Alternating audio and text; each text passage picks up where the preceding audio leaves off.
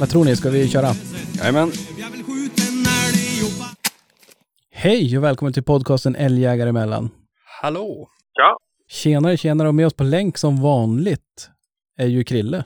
ja jajamän. Jag är beredd. Direkt från skidspåret. Ja, nästan. Det var lite förseningar idag. Ja, ja, ja nej men det är fan, det är sånt som händer. Man får njuta när det är Ja. plusgrader. Ja, ja, man har inte varit bortskämd med det, så det är nog ganska härligt. Jo. Jag sa det till några kollegor som jag surrar med söderifrån att eh, vad fan, vi har plusgrader. De bara, ja det har vi haft jättelänge. Bara, ja men det här är första gången på några månader för oss i alla fall. Ja. Det vände så jävla fort idag. Det bara svorsade till så vart det plusgrader. Ja, Det är nice. ja det det är, det är kul också att det kommer snö samtidigt. Jo. Vi ska ju eh, byta namn på den här podden till Snöskottare emellan. Jo. Jag har varit och skottat tak nu ikväll. Fy fan, mina spearmar. Jag hade Ja. smatt. Ja, Jag, har ju, jag behöver bara klara mig ett litet tag till. Nu är det bara, vad är det, fyra dagar kvar. För sen i mars då slutar jag skotta. Då tänker jag att det här kommer naturen ta hand om åt mig. Nu är det bara, it's a waiting game. Du, du får vänta ut naturen. Ja. Så att, eh, ja, ska, vi, ska vi ta och presentera oss eller har vi blivit för stor för sånt kanske? Ja. De får nog känna igen våra röster kanske. Ja, då, kan man, då har man ju Ja. möjlighet att förneka det sen i alla fall. Exakt. Men eh, har det hänt något sen sist? Nej, inte då för mig. Nej, du är pigg och kry ska Ja, jag ja, säga. jo precis. Jag har blivit pigg och kry. Men nu har ju Sandra torskat dit. Ja. Inte covid från att testa sig. Men hon Okej. har en vanlig, man måste nästan börja säga en vanlig klassisk förkylning. Ja. Så att hon har legat nu några dagar. ja, hon har ju inte ens som du hade. Hon, hon kan ju omöjligt ha en mancold. Nej, nej. Hon har ju betydligt enklare än vad jag Ja, ja, det, hade. ja nej, det, är inte, det är inte lätt. Nej, satan. Man blir som en... Man blir, man blir spak. Ja, ja, men också sen nu har man ju också den här oron. Jag kommer ihåg det, jag och Krille vi satt ju och skulle skoja lite grann på din bekostnad och sen man var fan, fan, fan det, är ju, det är ju, kan man ju inte göra. Det är ju- går ju åt skogen för folk och det är ju så här, ja, Jo. nej, huvaligen. Ja, det gick bra. Härligt. För dig då Krille? Ja, du. Nej, jag är ganska stendött. Skotta snö, som sagt. Jag vill inte prata om det något mer. Ja, det är lite som är. Jag, jag spydde lite galla över med, med älgar och, och vad var det mera? Det var eh, löpande tikar och Ja, visst ja.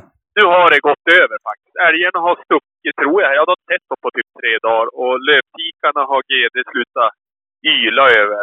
Att, Men du ser, fan, vad var det jag sa? Efter regn kommer tövädret. ja, så det känns det faktiskt. Det känns som en, en sten som är så lugnt och skönt. Ja, men fan vad härligt. Det, det är du värd, Krille. Jag, jag tänker bara att annars Ja. brukar man ju vara så himla duktig på att så här, man, man eh, stör sig när man är uppe i det och sen slutar det och då tänker man inte på vad fan, fan vad skönt, nu har det Nej. slutat. Jag Nej. tycker det är som nej. om man typ har ont i huvudet eller eh, tandvärk eller något sånt där. Mm. Alltså man säger bara, alltså jag kommer ju dö, det här är ju, ja, det var kul, man hade ett, man hade ett kul liv. Jo. Men nu är det över. Ja. Och så sen då när det försvinner, då är det som bara, ja, då gnäller man över något annat Ja, istället. jo. Då ska man ju passa på att njuta istället. Faktiskt. Jag ska börja tänka det varje dag nu bara, ja men fan det kommer en meter snö. Men jag har i alla fall inte tandvärk. Precis. Ja, förra veckan tror jag inte någon, någon skulle ha gnällt över att man har dåliga hundar eller sånt där. Någon passkytt som sitter och gnäller att det inte hänt någonting. och Sånt där. Hade han sagt något sånt förra veckan, då hade han det var inte läge då. Det var inte läge. Nej, Nej men det är ju sådär. Vi är ju, vi är ju härdade. Vi vet ju att winter is coming varje år, Mm. men sen blir det ju vår också någon gång. Precis. Ja. Men det är en jävligt härlig tid vi har nu framför oss. Ja, faktiskt. Och vet ni vad jag har gjort? Mm, nej. Jag har fått hem en leverans på ett, en skoterdel. Hoppla Oj, Kerstin! boggjul eller vad var det? Jajamensan. Så att nu är det Men- ju 99% fixat. Nu ska Men vi var det inte- dit det. Var, var det boggehjul? Jag hoppas det. Jag tror att det är det. Ja men visst var det axeln som hade... Nej, nej, utan det, det saknas ett bogghjul i alla fall, så det har Jaha. jag beställt. Okej, så kanske det var. Och jag, jag ringde faktiskt till eh, en, jag minns inte vad det hette, det var, det var ju Storuman i alla fall. Mm. Och han måste ju, den, den stackaren som jag pratade med där, han måste ju tro att jag var helt dum i huvudet. Och han var säker, han var ju inte fel ute för det, men alltså det var, ja, det, ja, jag, han hade ett hjul som var typ några millimeter större. Ja. Och jag bara, vad fan kan man inte köra på, alltså det är en gamskoter, inte är det någon millimeter precision.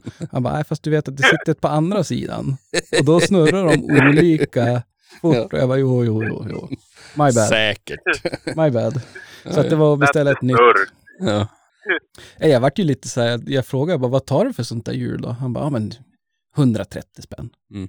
Jag bara, har du två? För då tänker jag, då byter jag på båda sidorna. Ja. Och han bara, nej, nej, jag har bara ett. Så jag bara, ja, fick, det, fick man ju beställa från någon så här Yamaha bla bla bla för 590 eller vad det kostar. Ja, ja, okej. Så att, eh, Men du ska byta båda? nej, jag bytte ett Du bytte? Ja. Ja. till att börja med. Till att börja med. Precis. Så men- att, eh, ja, nej, vi får se. Så att det är lite, lite solsken här också. Mm. Jag ska fara och lämna in min ja. Ja, din hade ju haft ett helt haveri, höll jag på att säga. Ja, jag vet inte fan vad det är. Men, men jag ska lämna in och se om det går att rädda. Annars Ja, gräver ner någonstans. Någon bojankare. Ja, precis. Men vad var det jag tänkte, det, jag misstänker att det inte har hänt något jaktligt. Nej, ingenting. Nej, alltså nu är, nu är det på riktigt stendött. Ja. Jag håller på med den där jävla morden. Det kommer bli en följetong. jag, jag tror han har lyssnat på podden för han har schappat. Jag har inte sett, jag har inte sett ett enda spår Ja. sedan dess. Så att jag kommer att ge upp. Alltså jag känner att det här kommer inte att funka. Eh, Jag har ju börjat utfodra på ett annat sätt. Nej. Han, han, han har jävla dragit från... Jag hittar inte igen honom. Jag vet inte var han är. Ja. Ja, men han får väl leva till nästa år. Det är inte värre än så. Han blir bara större. Ja, ja. Och klokare tyvärr. Och klokare tyvärr. ja. Men eh, nej, och det är ju på så vis, jag vet inte, nu, nu kör jag på känsla som jag alltid gör, men min känsla är också att det är färre älgpåkörningar. Vad säger ni om det när jag slänger upp det så? Ja, jag kanske inte svarar på faktiskt, men för mig har det varit lugnt. Men eh, tåget körde på fem stycken i, för- var det i fredags. Då. Ja, för fan. Ja. En svepning, det var bara drupp. Usch. Så onödigt. Jo, jo, det där. Ja, det känns ju som halv, halvtråkigt. Ja, fan också. Jag vet inte, det där är ju alltid, när man, när man eh, gör ett sånt uttalande som jag gör där på känsla, och att man, det är ju sin egen uppfattning, men jag tycker inte jag har läst så mycket om det och jag har sett väldigt lite älg också. Ett tag tycker jag, för några veckor Mm. sedan så såg man ju älg överallt. Men nu har det varit mycket lugnare. Ja, jag har inte... Jag sitter och tänker, jag har inte varit på någonting tror jag. På den sträckan jag har. Ja. Eh, och det är ju bra, det är ju skönt. Ja, nej men framförallt, alltså det är ju, tåg i all ära, det är ju jäkligt tråkigt, men åtminstone blir det ju sällan personskador då i alla fall. Precis. Så det är väl en, en, kanske en klen tröst, men dock en liten tröst. Ja, ja, absolut.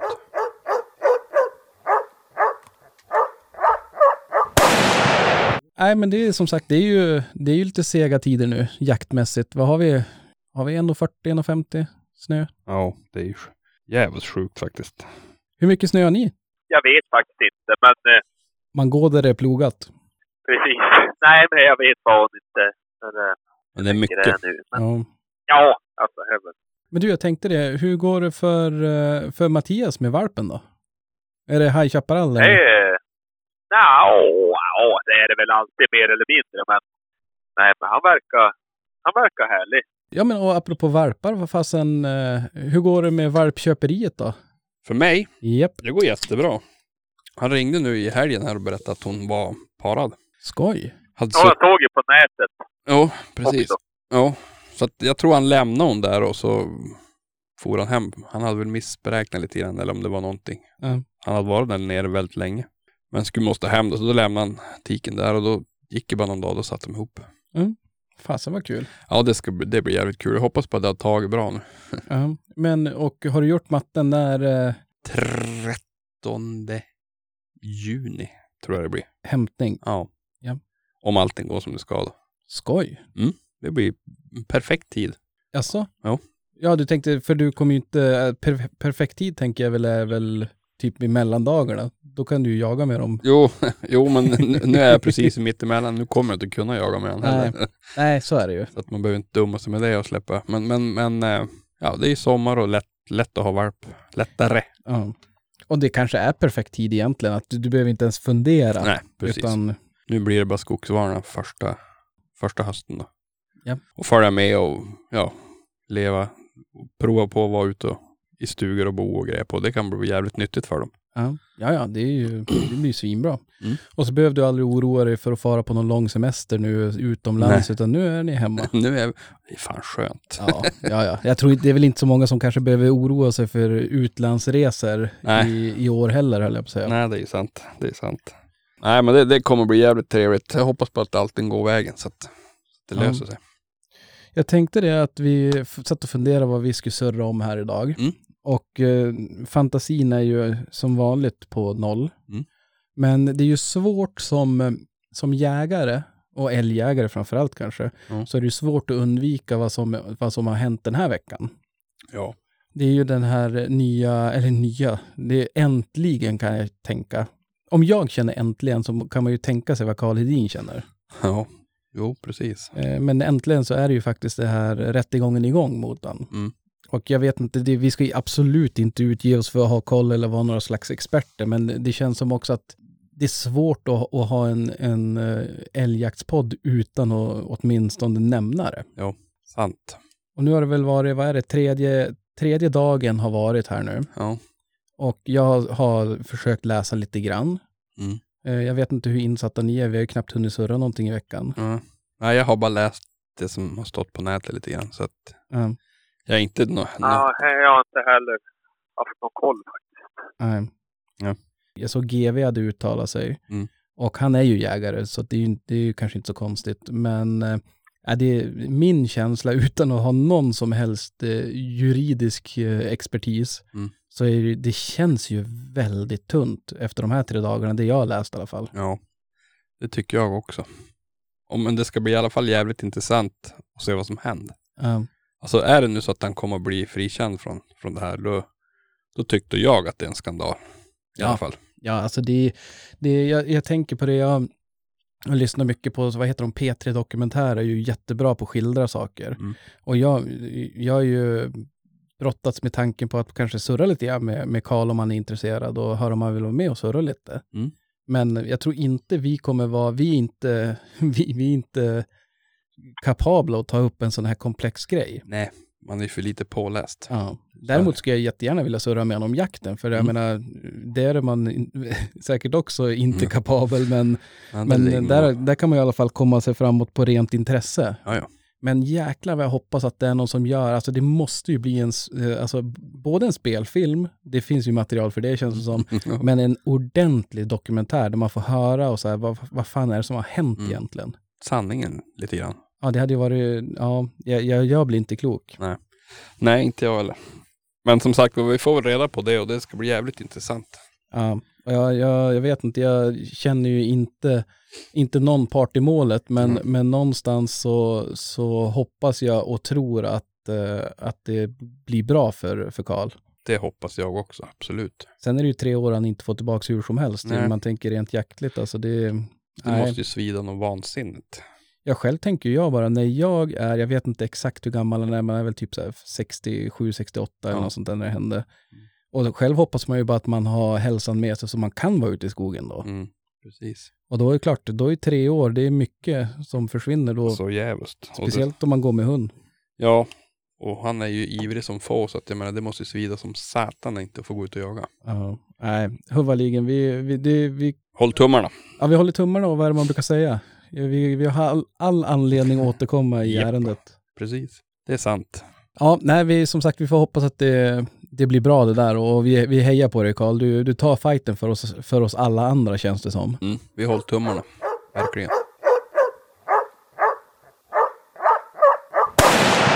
Apropå jaktprofiler, jag har ju faktiskt... Eh, Men vänta nu, vä vänta nu. Vi måste ju, Jaha. f- för det första, det, det har ju blivit som ett återkommande. Va, vad fan gör du ikväll Krille? Jaha, Ja, ja alltså nu är det hårda bud där. Alltså, först har jag ju varit och åkt skidor som ett jävla tok va. Ja. Jävlar i mig. Står du i Nej, duschen nu det- jag eller? står med... Nej, nej, nej, nej. Vänta, får gissa? Får vi gissa? Jag tror att du vallar nu. Skrapar den? Nej. Nej. Eh, du, här, nu står jag med huvudet längst ner i, och försöker att hitta åt allt törrkött det jag ska göra. Ja! Jag ska skicka in imorgon till, till... Jag ska ta med det på jobbet när vi far till Vilhelmina och ska lämna in allting där så de kan lättröka det och göra sovas och Jaha. ja, lite så det här årliga. Ja, ja. Så står jag här i paniken och försöker få reda på allting ligger underst och här är ju... Ja, Men du har köpt något älgkött alltså? Som du ska lämna in på rökning? ja, men jag har ju någon polare som har någon jämthund så då är det ju lugnt. Ja, nej men vadå, så även törrköttet, det, det är lättröker du först eller? Ja, en del har jag, inte allt kanske men Men visst, eh, ja, visst har du någon, någon litet, eh, liten box eller en liten bur bak i huset också, vill jag minnas? Ja, liten och liten. Jag gjorde ju 300 bitar i fjol. så Jag är med hela jävla... Jag använder ju hela vedförrådet, kan man ju säga. Vad fan, det är en bit om dagen. Hur mycket... Äter du Ja, men det egentligen? är många som är hungriga. Ja, man ser ju fram emot att man ska få smaka en bit någon gång, men Men jag tror faktiskt vi har gjort det en gång. ja, jo, Ja, de måste ju ha det. Det kan ju vara som... helvete det är gött. Det där, det där ska vi fasen, det där ska vi fasen återkomma till. Men du, jag kom på en affärsidé nu. Vadå? Och nu tar jag patent på den. Ja. Man skulle haft en frysbox där man kunde vända inuti. Så det som kom längst ner hamnar överst. Ah, smart. Ja. ja men det hamnar... Ja. Faktiskt. Jag menar allt gammkött hamnar ju längst ner oftast. Ja, Tänk dig bara kunna sno runt och så ta upp ja faktiskt. fax. Sen hur du då ska lösa det, då, Ja. då, då får du ju patent på det. Då, då, då är det ju värt det. Ja, ja. Alltså det. Jag gillar hur, hur, hur mycket tror patent funkar. Jag tar patent på det. Ja, nej men det är bra. med men- chipax då är det i min, så Ja. det är lugnt. Patent och paxad i det. Japp. Ja, nej men fasen, det är ju, det måste vi ju surra mer om så att säga, med, med törkött det här. Jag tycker ju det Ja. är, eh, det är fan bättre, godare än chips ju. Ja, det är livsfarligt det där. Vet ni vad jag tycker det passar jävligt bra till? Nej. En dryck. Vatten. Precis, Loka. Ja. Loka naturell. Loka citron eller kör du? Naturell. Man vill inte att det ska ta över. Precis. Ja, men det är faktiskt jävligt gott. Ja, ja. och eh, jag har, jag har gjort, eh, jag har gjort alla möjliga olika biltångboxar tror jag de heter med, med lampor och det är styrning och det är det ena med det tredje och eh, alltså det blir, det blir helt okej, men jag tycker inte det blir lika bra som när man bara hänger ute på, på husgaveln höll jag på att säga. Nej, jag, jag, är, jag är jättedålig på att prova det där. Jag måste, det skulle vara roligt att kunna det. Ja, ja men vi, vi, vi får köra en, en podd om, om uh, törkött. Absolut. Där vi, där vi gör det och äter det. Jag äter det. Framförallt det. Nej, men det är bra för då kanske man kan få något tips av, eh, av, av våra ärade lyssnare. Mm. Alltså, jag, nu har jag törkat mycket kött där som är ändå en konst Jävligt om man vill ha. Ja, man vill ju ändå ha det på ett visst vis. Alltså, det är ändå rätt viktigt. Ja. Ja. Så att det, men det ska vi ta nu. Ja, det, vi får ta ett grepp på det sen. Men ehm, Ja. innan, innan jag vart avbruten där så, så höll jag på att säga... Förlåt. Nej men, du, nej, men du har helt rätt. Det är ju viktigt. Det är ju ett av de mest återkommande temana här. Vad, vad gör Krille? Det, fan- det har ju blivit större än guldälgen ta fan. Guldälgen var länge sedan Ja, vi körde. det var det. Helvete vad vi har glömt bort den. Ja, den är borta. Men Ja, men det känns ju som att... eh, Det glöm, ja, jag vet inte, kanske inte fråga gästen heller. Där. Nej, det var... Det, det, den, men den är lite säsongsberoende tror jag. Ja. Mm. Ja, men det- lite så, så Ja. är det ju. Så är det ju. Om inte hänt någonting speciellt då. Nej, Men- precis. Precis. Den eh, jag har ringt och surrat lite grann med är eh, David Sundell. Som jag vet att ni två är bekanta med i alla fall och vet vem han är. Mm. Och eh, ja, vad ska man säga? Han är ju en eh, otroligt sympatisk och trevlig kille. Mm. Faktiskt. Det är, eh, ja det var, det var riktigt, riktigt trevligt att sitta och surra med honom. Ja, jag har varit nästan lite starstruck när jag satt och lyssnade. Ja men jag med, du vet man ringer upp och Ja, så sen bara, Han har ju följt honom sen, jag har ju sett hans klipp Ja. tusen gånger. Att, nej men han är jävligt trevlig. Ja, nej, men vi gör väl så att vi lyssnar på det Mm. och sen eh, så, så återkommer vi. Yes.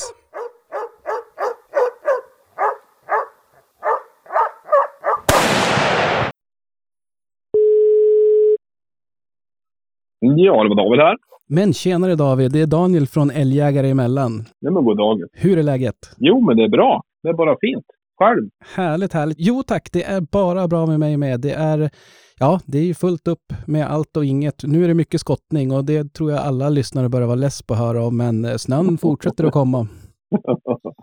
ja, här ser det ut som att han är på väg bort i alla fall. Det var töväder några dagar sedan. Ja. ja, nej men det är så. Det är kul med, med årstider, men, men, men. Det är så. Jag tänkte höra med dig. Du är ju nybliven silvermedaljör i kategorin Årets medieprofil på Jaktgalan. Man får börja med att gratulera. Ja, men tusen tack. Alltså, det var väl... Ja, en skräll kan jag väl tycka själv. Men ja, väldigt roligt. Smickrande får jag säga. Ja, jag kan nog inte hålla med om att så stor skräll tycker jag inte att det var. Nej, okej. Nej, jag, jag tycker att det är välförtjänt och jag la faktiskt min röst på dig också. Jag tycker att du har, du går genom rutan eller vad man brukar säga. Ja, men gud vad roligt. Ja, men jättetack. Nej, men det är...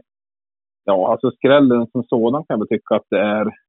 Eh, jag tycker inte att vi har varit med och levererat så jättemycket i media sista året. Och sen så tycker jag att man tittar på det var andra väldigt stora kanaler. Så på så vis kanske jag tänkte att de skulle kanske ha ett väldigt stort stöd eller någonting sådär. Så när jag hörde att det var en av de fem som var nominerade så tänkte jag att ja, men och sen så tänkte jag inte så mycket mer på det. Jag har inte någon jättestor koll på de andra, men sen kollar man tänkte lite grann på vilka de var och så vidare. Så tänkte jag att ja, men då, då har man väl kanske ingen chans på så vis. Men det är väl inte, alltså jag vill inte, gör väl inte det här för att man ska tävla på så vis. Men klart, när det lyfts upp så då är det ju ändå lite intressant att se vad som händer. Helt klart.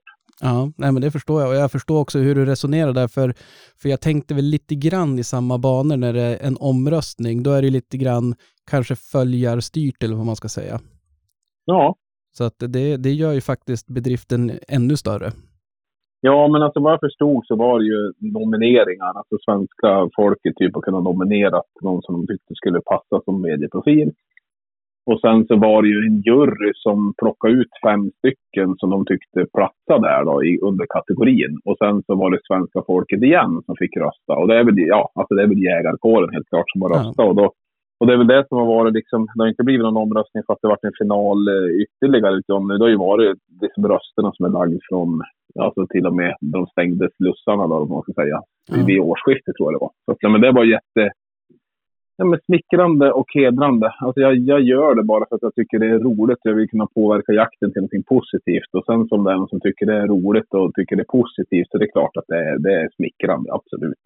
Ja, nej, men det förstår jag och eh, väl, väl förtjänt tycker jag också. Och det skvallrar ju kanske om att de absolut flesta vet säkert redan, har nog rätt bra koll på dig, men för de som inte har koll på dig än så länge, vem, eh, vem är David Sundell? Ja, det har jag frågat många gånger. Nej, men jag är ju, alltså jag är ju, jag är ju från Västerbotten från början. Jag är ju född i en by som heter Pauträsk utanför Storuman, i Storumans kommun. Härligt. Och, eh, och sen så har jag väl bott nere i Hälsingland sedan 1990.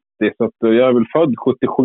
Så jag flyttade ner hit när jag var tonåring, började sjunde klass i Alfta. Sen har jag väl bott här. Jag är kvar här nere i Hälsingland. Men jag har ju liksom ändå mina eh, ja, mina rötter uppe i norr. Så jag har ju en stuga där uppe på Outläsk, åker ofta och gärna upp dit både med familjen på somrarna, lite fiske och jakt och så vidare. Sen, jag är en skogsvårdsentreprenör, så till vardags så jobbar jag som en, bedriver en, ett företag som håller på med skogsplantering och röjning i huvudsak. Det är det som är eh, min huvudsak, alltså det är det som jag jobbar med om man säger så. Jag har väl haft eget företag i 11 år är det väl nu och, och sen i övrigt så driver jag en kanal som heter Sundell Hunting. Alltså jag har väl, eh, det är väl kanske sex, fem, sex, sju år sedan kanske jag släppte lite ett par DVD-filmer och Absolut älgjakt och Absolut älgjakt 2.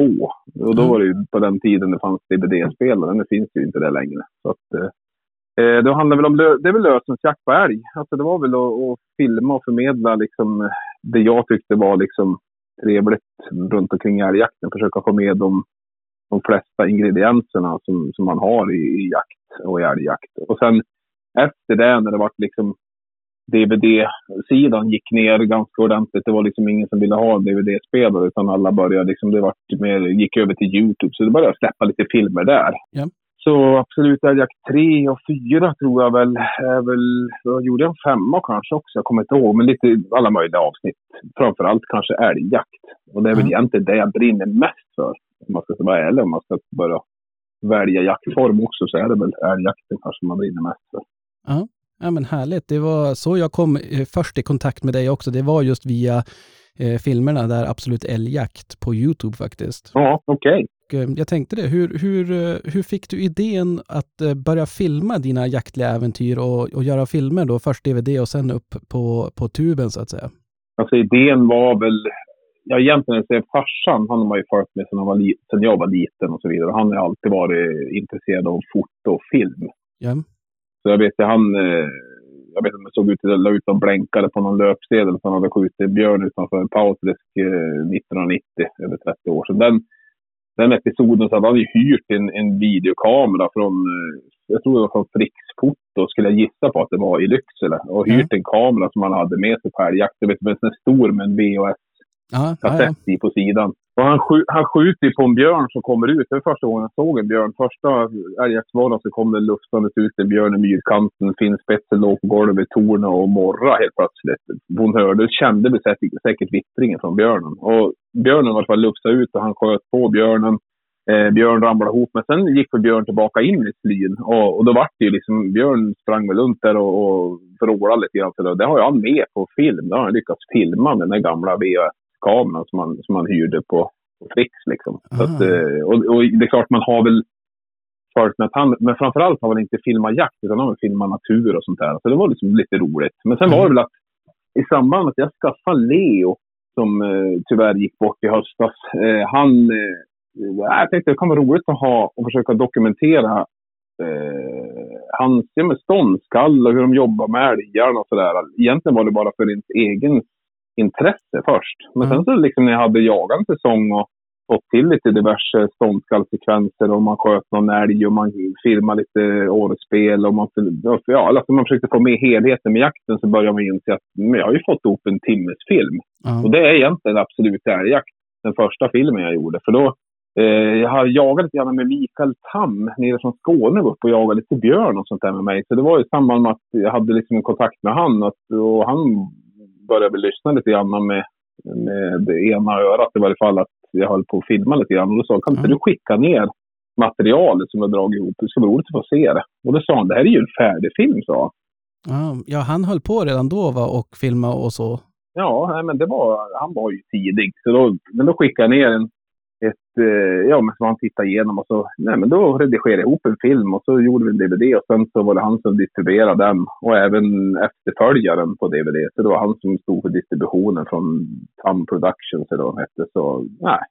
Och sen efter när man klev in på YouTube, det är väl liksom, man kan väl inte säga att det, det är liksom inte pengar det handlar om på något sätt. För det är ju inga, då skulle det vara en jättestor liksom, kanal om man ska göra pengar på det. Så det är väl, alltså jag har någon sån här liksom en en vision och en tanke om att kunna liksom förmedla jaktens ingredienser. Alltså ibland så är det ju att man, eh, jag tror lätt som jägare, lätt som människa överhuvudtaget på 2000-talet, att man, man ser inte skogen för alla träd. Mm. Det är klart att det är väl inget fel att man, att man suckar när det var en, en, kanske en sämre dag och så vidare. Men alltså ofta så kommer man ju aldrig hem tomhänt från skogen kan jag tycka. Så det finns, mm. det finns mycket, mycket bitar i som har med jakten att göra som, som eh, han var helt fantastiska som att har glömt bort många gånger. Ja, nej men det där, det där är någonting som vi också har diskuterat lite grann om just det här med att passa på att njuta. Ja. Jag menar 2020, 2021 till och med nu så är man ju, man ja. lever ju i en värld som är ganska resultatinriktad och hetsig och det är bråttom och fort och hit och dit. Och att ja. Eh, det, är, eh, det kan vara nog så viktigt att stanna upp och njuta bara av, ja men det är ju som den här klassiska, en, en dålig dag i skogen är fortfarande tio gånger bättre än en dag på kontoret. Ja, ja. Så att, äh, det var, och det är faktiskt, jag måste säga det, är väldigt imponerande, för jag tänkte det att nu är det ju ganska populärt med, med att spela in jaktklipp. Det har ju blivit så mycket lättare med, med kameror du fäster på bössan och det är, ja men som du säger, YouTube, vem som helst kan lägga upp vad som helst. Ja. Men att göra det och släppa DVD, det känns ju som, eh, ja det, är ju, det känns ju verkligen som ett projekt på något sätt. Ja, och det är klart att jag vet att de som, de som har gjort det tidigare, de har ju kostat på kanske stora produktioner och haft kamerateam och sånt där. Men jag filmar ju liksom 99 procent helt själv liksom med och det var ju liksom en liten utmaning. Det här med filmande var en utmaning. Alltså visst, visst kan jag gå in och, och liksom skjuta en älg på ett ståndskall, men kan jag gå in och filma det ståndskallen med en kamera på stativ och försöka få till någon vettig film på det. Mm. Och, och, samtidigt som bössan hänger på axeln och älgen står helt öppet och hade egentligen skottläge för tio minuter sedan, men tio minuter senare, då, mm. Ja, men det kan Då jag lyckas man få både, med både film och, och skott och sådär och få med alltihopa. Men det är just att det blir en, en dubbla utmaning. Har man en hund som jag vet att han släpper ju inte det här utan han kommer ju fortsätta skälla. Mm. Så är det lite grann av jakten, alltså få, få njuta av. Jag menar, du vet ju själv också att då får man ett, får man ett ståndskall och man sitter där, antingen om man är ute själv eller att man har sina jaktkamrater ute i ja, något jaktlag och så har man hund som står själv i ståndskall uppe på berget. Det är ju liksom, alltså det är ju mer än halva nöjet det är ju att du får lyssna till ett ståndskall. det är ju liksom som, nästan som att jakten är lyckad redan där kan jag tycka. Sen om man kan till slut att någon kan komma till skott eller någonting så är det ju absolut en bonus. Men det är just att man kan ju få njuta och suga lite på karamellen en stund innan man ska gå hela vägen ibland kan jag tycka. Ja, ja, nej men så är det. Och jag menar, där är det ju alla som, som har en hund vet ju just den här, det, jag kan nästan likna det lite grann som med ens ungar, att man känner den här lite stolthet över att, ja men, vad duktig han är. Alltså att, och, Ja. och att framförallt också glädjas med, med hunden som får göra det den är framavlad för.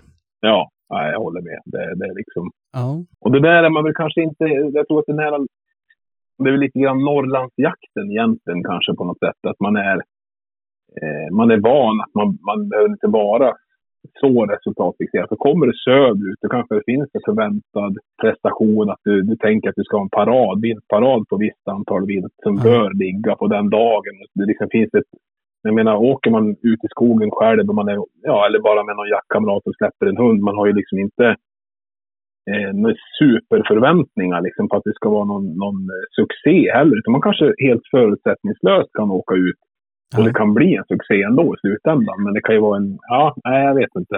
Jag njuter väldigt mycket av de där jaktdagarna när man, man ja. åker ut lite förutsättningslöst. Nej, jag, jag håller med och, och just det där med, med viltparad, det var ju någonting helt nytt för mig när man kom in i YouTube. Alltså att jag visste inte ens Mm. att det fanns tidigare och det känns som så, ja det, det kändes orealistiskt. Nej, men det är man ju van att man, man är ute och jagar i två veckor och sen så fick man se en skogshare liksom sammanlagt när man är på de här, på de här breddgraderna och jagar.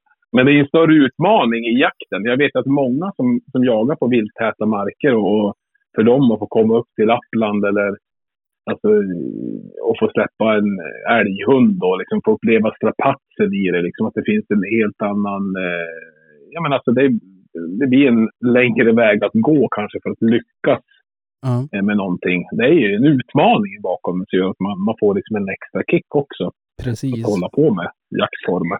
Jag tror att just det där med utmaning, för, för jag pratade faktiskt med, med en, en kompis om det, inte, inte i podden, eller det kanske vi också har gjort, jag vet inte, man, man kommer knappt ihåg vad man säger alltid, men, men just det här att vilka jakter är det man kommer ihåg? Jo, men det är ju de där där det har verkligen, ja, där det har varit mycket utmanande. Alltså Ja. att när man verkligen har fått kämpa för och att det har varit, ja, det har onnat sig lite grann och sådär, så då, det är ju de som jag kommer ihåg i alla fall, att det, är- Ja. det är där minnena skapas på något sätt. Ja, men så är det ju. Och nu vet jag inte om man börjar bli gammal när man ramlar över 40, men jag har ju blivit så att jag, att jag vill hellre ha ett fokus när man åker ut, att man jagar efter upplevelse, än att jag ska ha ett fokus på att jag liksom Eh, alltså det tar mig emot lite grann också när man tittar. Det är klart man, man sneglar runt och kollar lite grann på YouTube och sådär.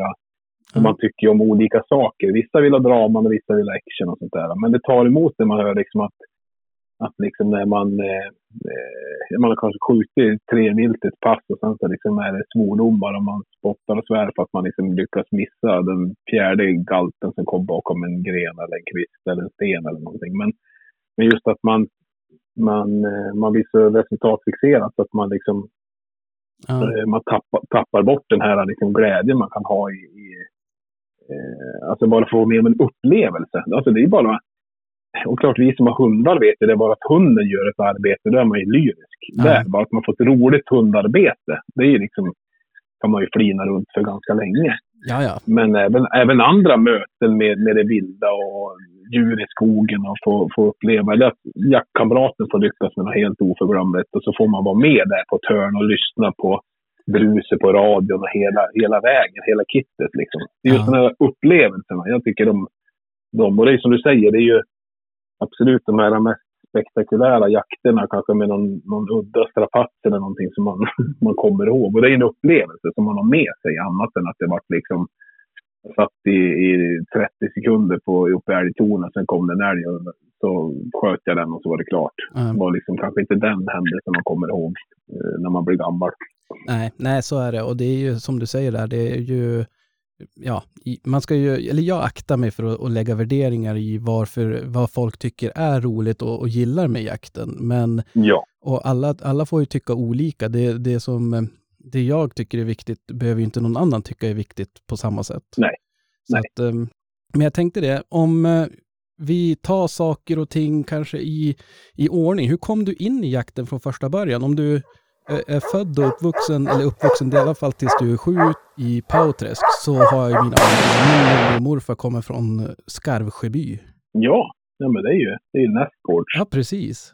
Då kan jag tänka mig att när du var, när du var sex, sju år där, då var det lite grann det här att eh, ja, men tiden stannade. Det fanns ett före och ett efter älgjakten. Men jag kommer ju ihåg det när morfar, när älgjakten började, det var ju så här, ja det är ju större än vad julafton var för mig typ.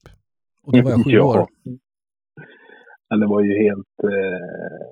Nej, det var ju en, en högtid, absolut. Och det är det fortfarande också. Det är därför det är så roligt också. Jag, jag återvände ju till, till samma by för att jaga älg och gjort det i många år nu. Ja. Jag satt ju med eget vapen när jag var 16, eller bara 5, nej 16 måste jag ha varit. Ja. Jag fick ju, fick ju dispens för jag gick ju jakt och fiskeutbildningen i, i Ljusdal så lyckades få dispens och få licenserna förväg och sånt där. Så, att, Ah, okej. eh, så från det har jag varit medlem i, i Paters jaktlag, i norra jaktlaget. Då. Men, men farsan har jagat sedan jag var född liksom, i byn. Eh, alltså sen 76, 77 någonting jag han började jaktlag och jaga fortfarande. I höstas var han inte med för då hade han han fick eh, operera och skulle byta hjärtklaffar och sånt där. Men nu är det fixat så jag tror han ser fram emot en, en till eh, säsong i jaktlaget där uppe. Så att, och det, jag har ju varit med sedan dess. Och eh, alltså man lever ju upp. Och det är ju mycket nostalgi. Man träffar gamla polare och sådär. Sen har man, man har sprungit på samma marker så otroligt länge. Det, Ja. det, som tar, det som tar emot lite grann det är väl att man att man sitter för mycket som passkytt. Jag är ju mer en hundförare idag än man är som passkytt kan jag säga. Men, Ja. men det, är, det är ganska många hundförare så att vi går ungefär varannan dag med hund. Ja, men det, det märker man ju också när man, när man åker upp eh, eh, i de trakterna. Det, det står ju en jämte eller en grå hund på var och varannan gård. ja, Så att, men det är eh, ju så. men, eh, men jag tänkte det, så du är mer eller mindre infödd i jakten kan man säga? Jag är infödd i jakten. Alltså, farsan har jagat så länge jag minns. Morsan jagar faktiskt också ett tag. Och, ja, i Patrik går med och jaga någon, något år vet jag. Ja. Men hon har inte jagat på ganska länge. Hon har några bössor kvar, det vet jag. Men hon har inte jagat på, på länge. Men det är väl liksom farsan som har introducerat den kan man säga. Som har tagit med honom. Och det var ju mycket finspett var det ju. Ja. Alltså under min uppväxt hade han ju flera olika finspetsar på, på raken. Och det var ju det var mycket där uppe vi ska jaga skogsfågel. Och det var ju väldigt trevliga marker och, och tre, väldigt trevlig jaktform. Jag tyckte det var väldigt kul att jaga med finspett. Ja. Men jag satt ju som, som älgjägare satt jag på pass fram tills att jag skaffade Leo. Och Leo han eh, hade jag ju 11-12 säsonger med. Okej, ja. Så att jag har egentligen inte haft någon älghund före han. Okej, ja. Ja, nej men och det, det är min erfarenhet är att när man, när man börjar gå med hund, då är det, alltså det, jag tyckte ju det att sitta på pass, det var, det var helt fantastiskt. Det var spänning och jag, jag tog det ju så här att, ja men sitter jag på pass, då, jag, jag var ju inte den som gjorde upp en eld och fikade, utan jag satt tyst och typ inte tittade, inte rörde huvudet för jag skulle vara helt stilla. Så jag, Ja, så att, eh, och det var väl de första timmarna. Sen, sen börjar man ju som slappna av lite grann och, och njuta av att kolla på skogen. ja, Eh, Det finns otroligt mycket att se i en skog om man tittar. absolut.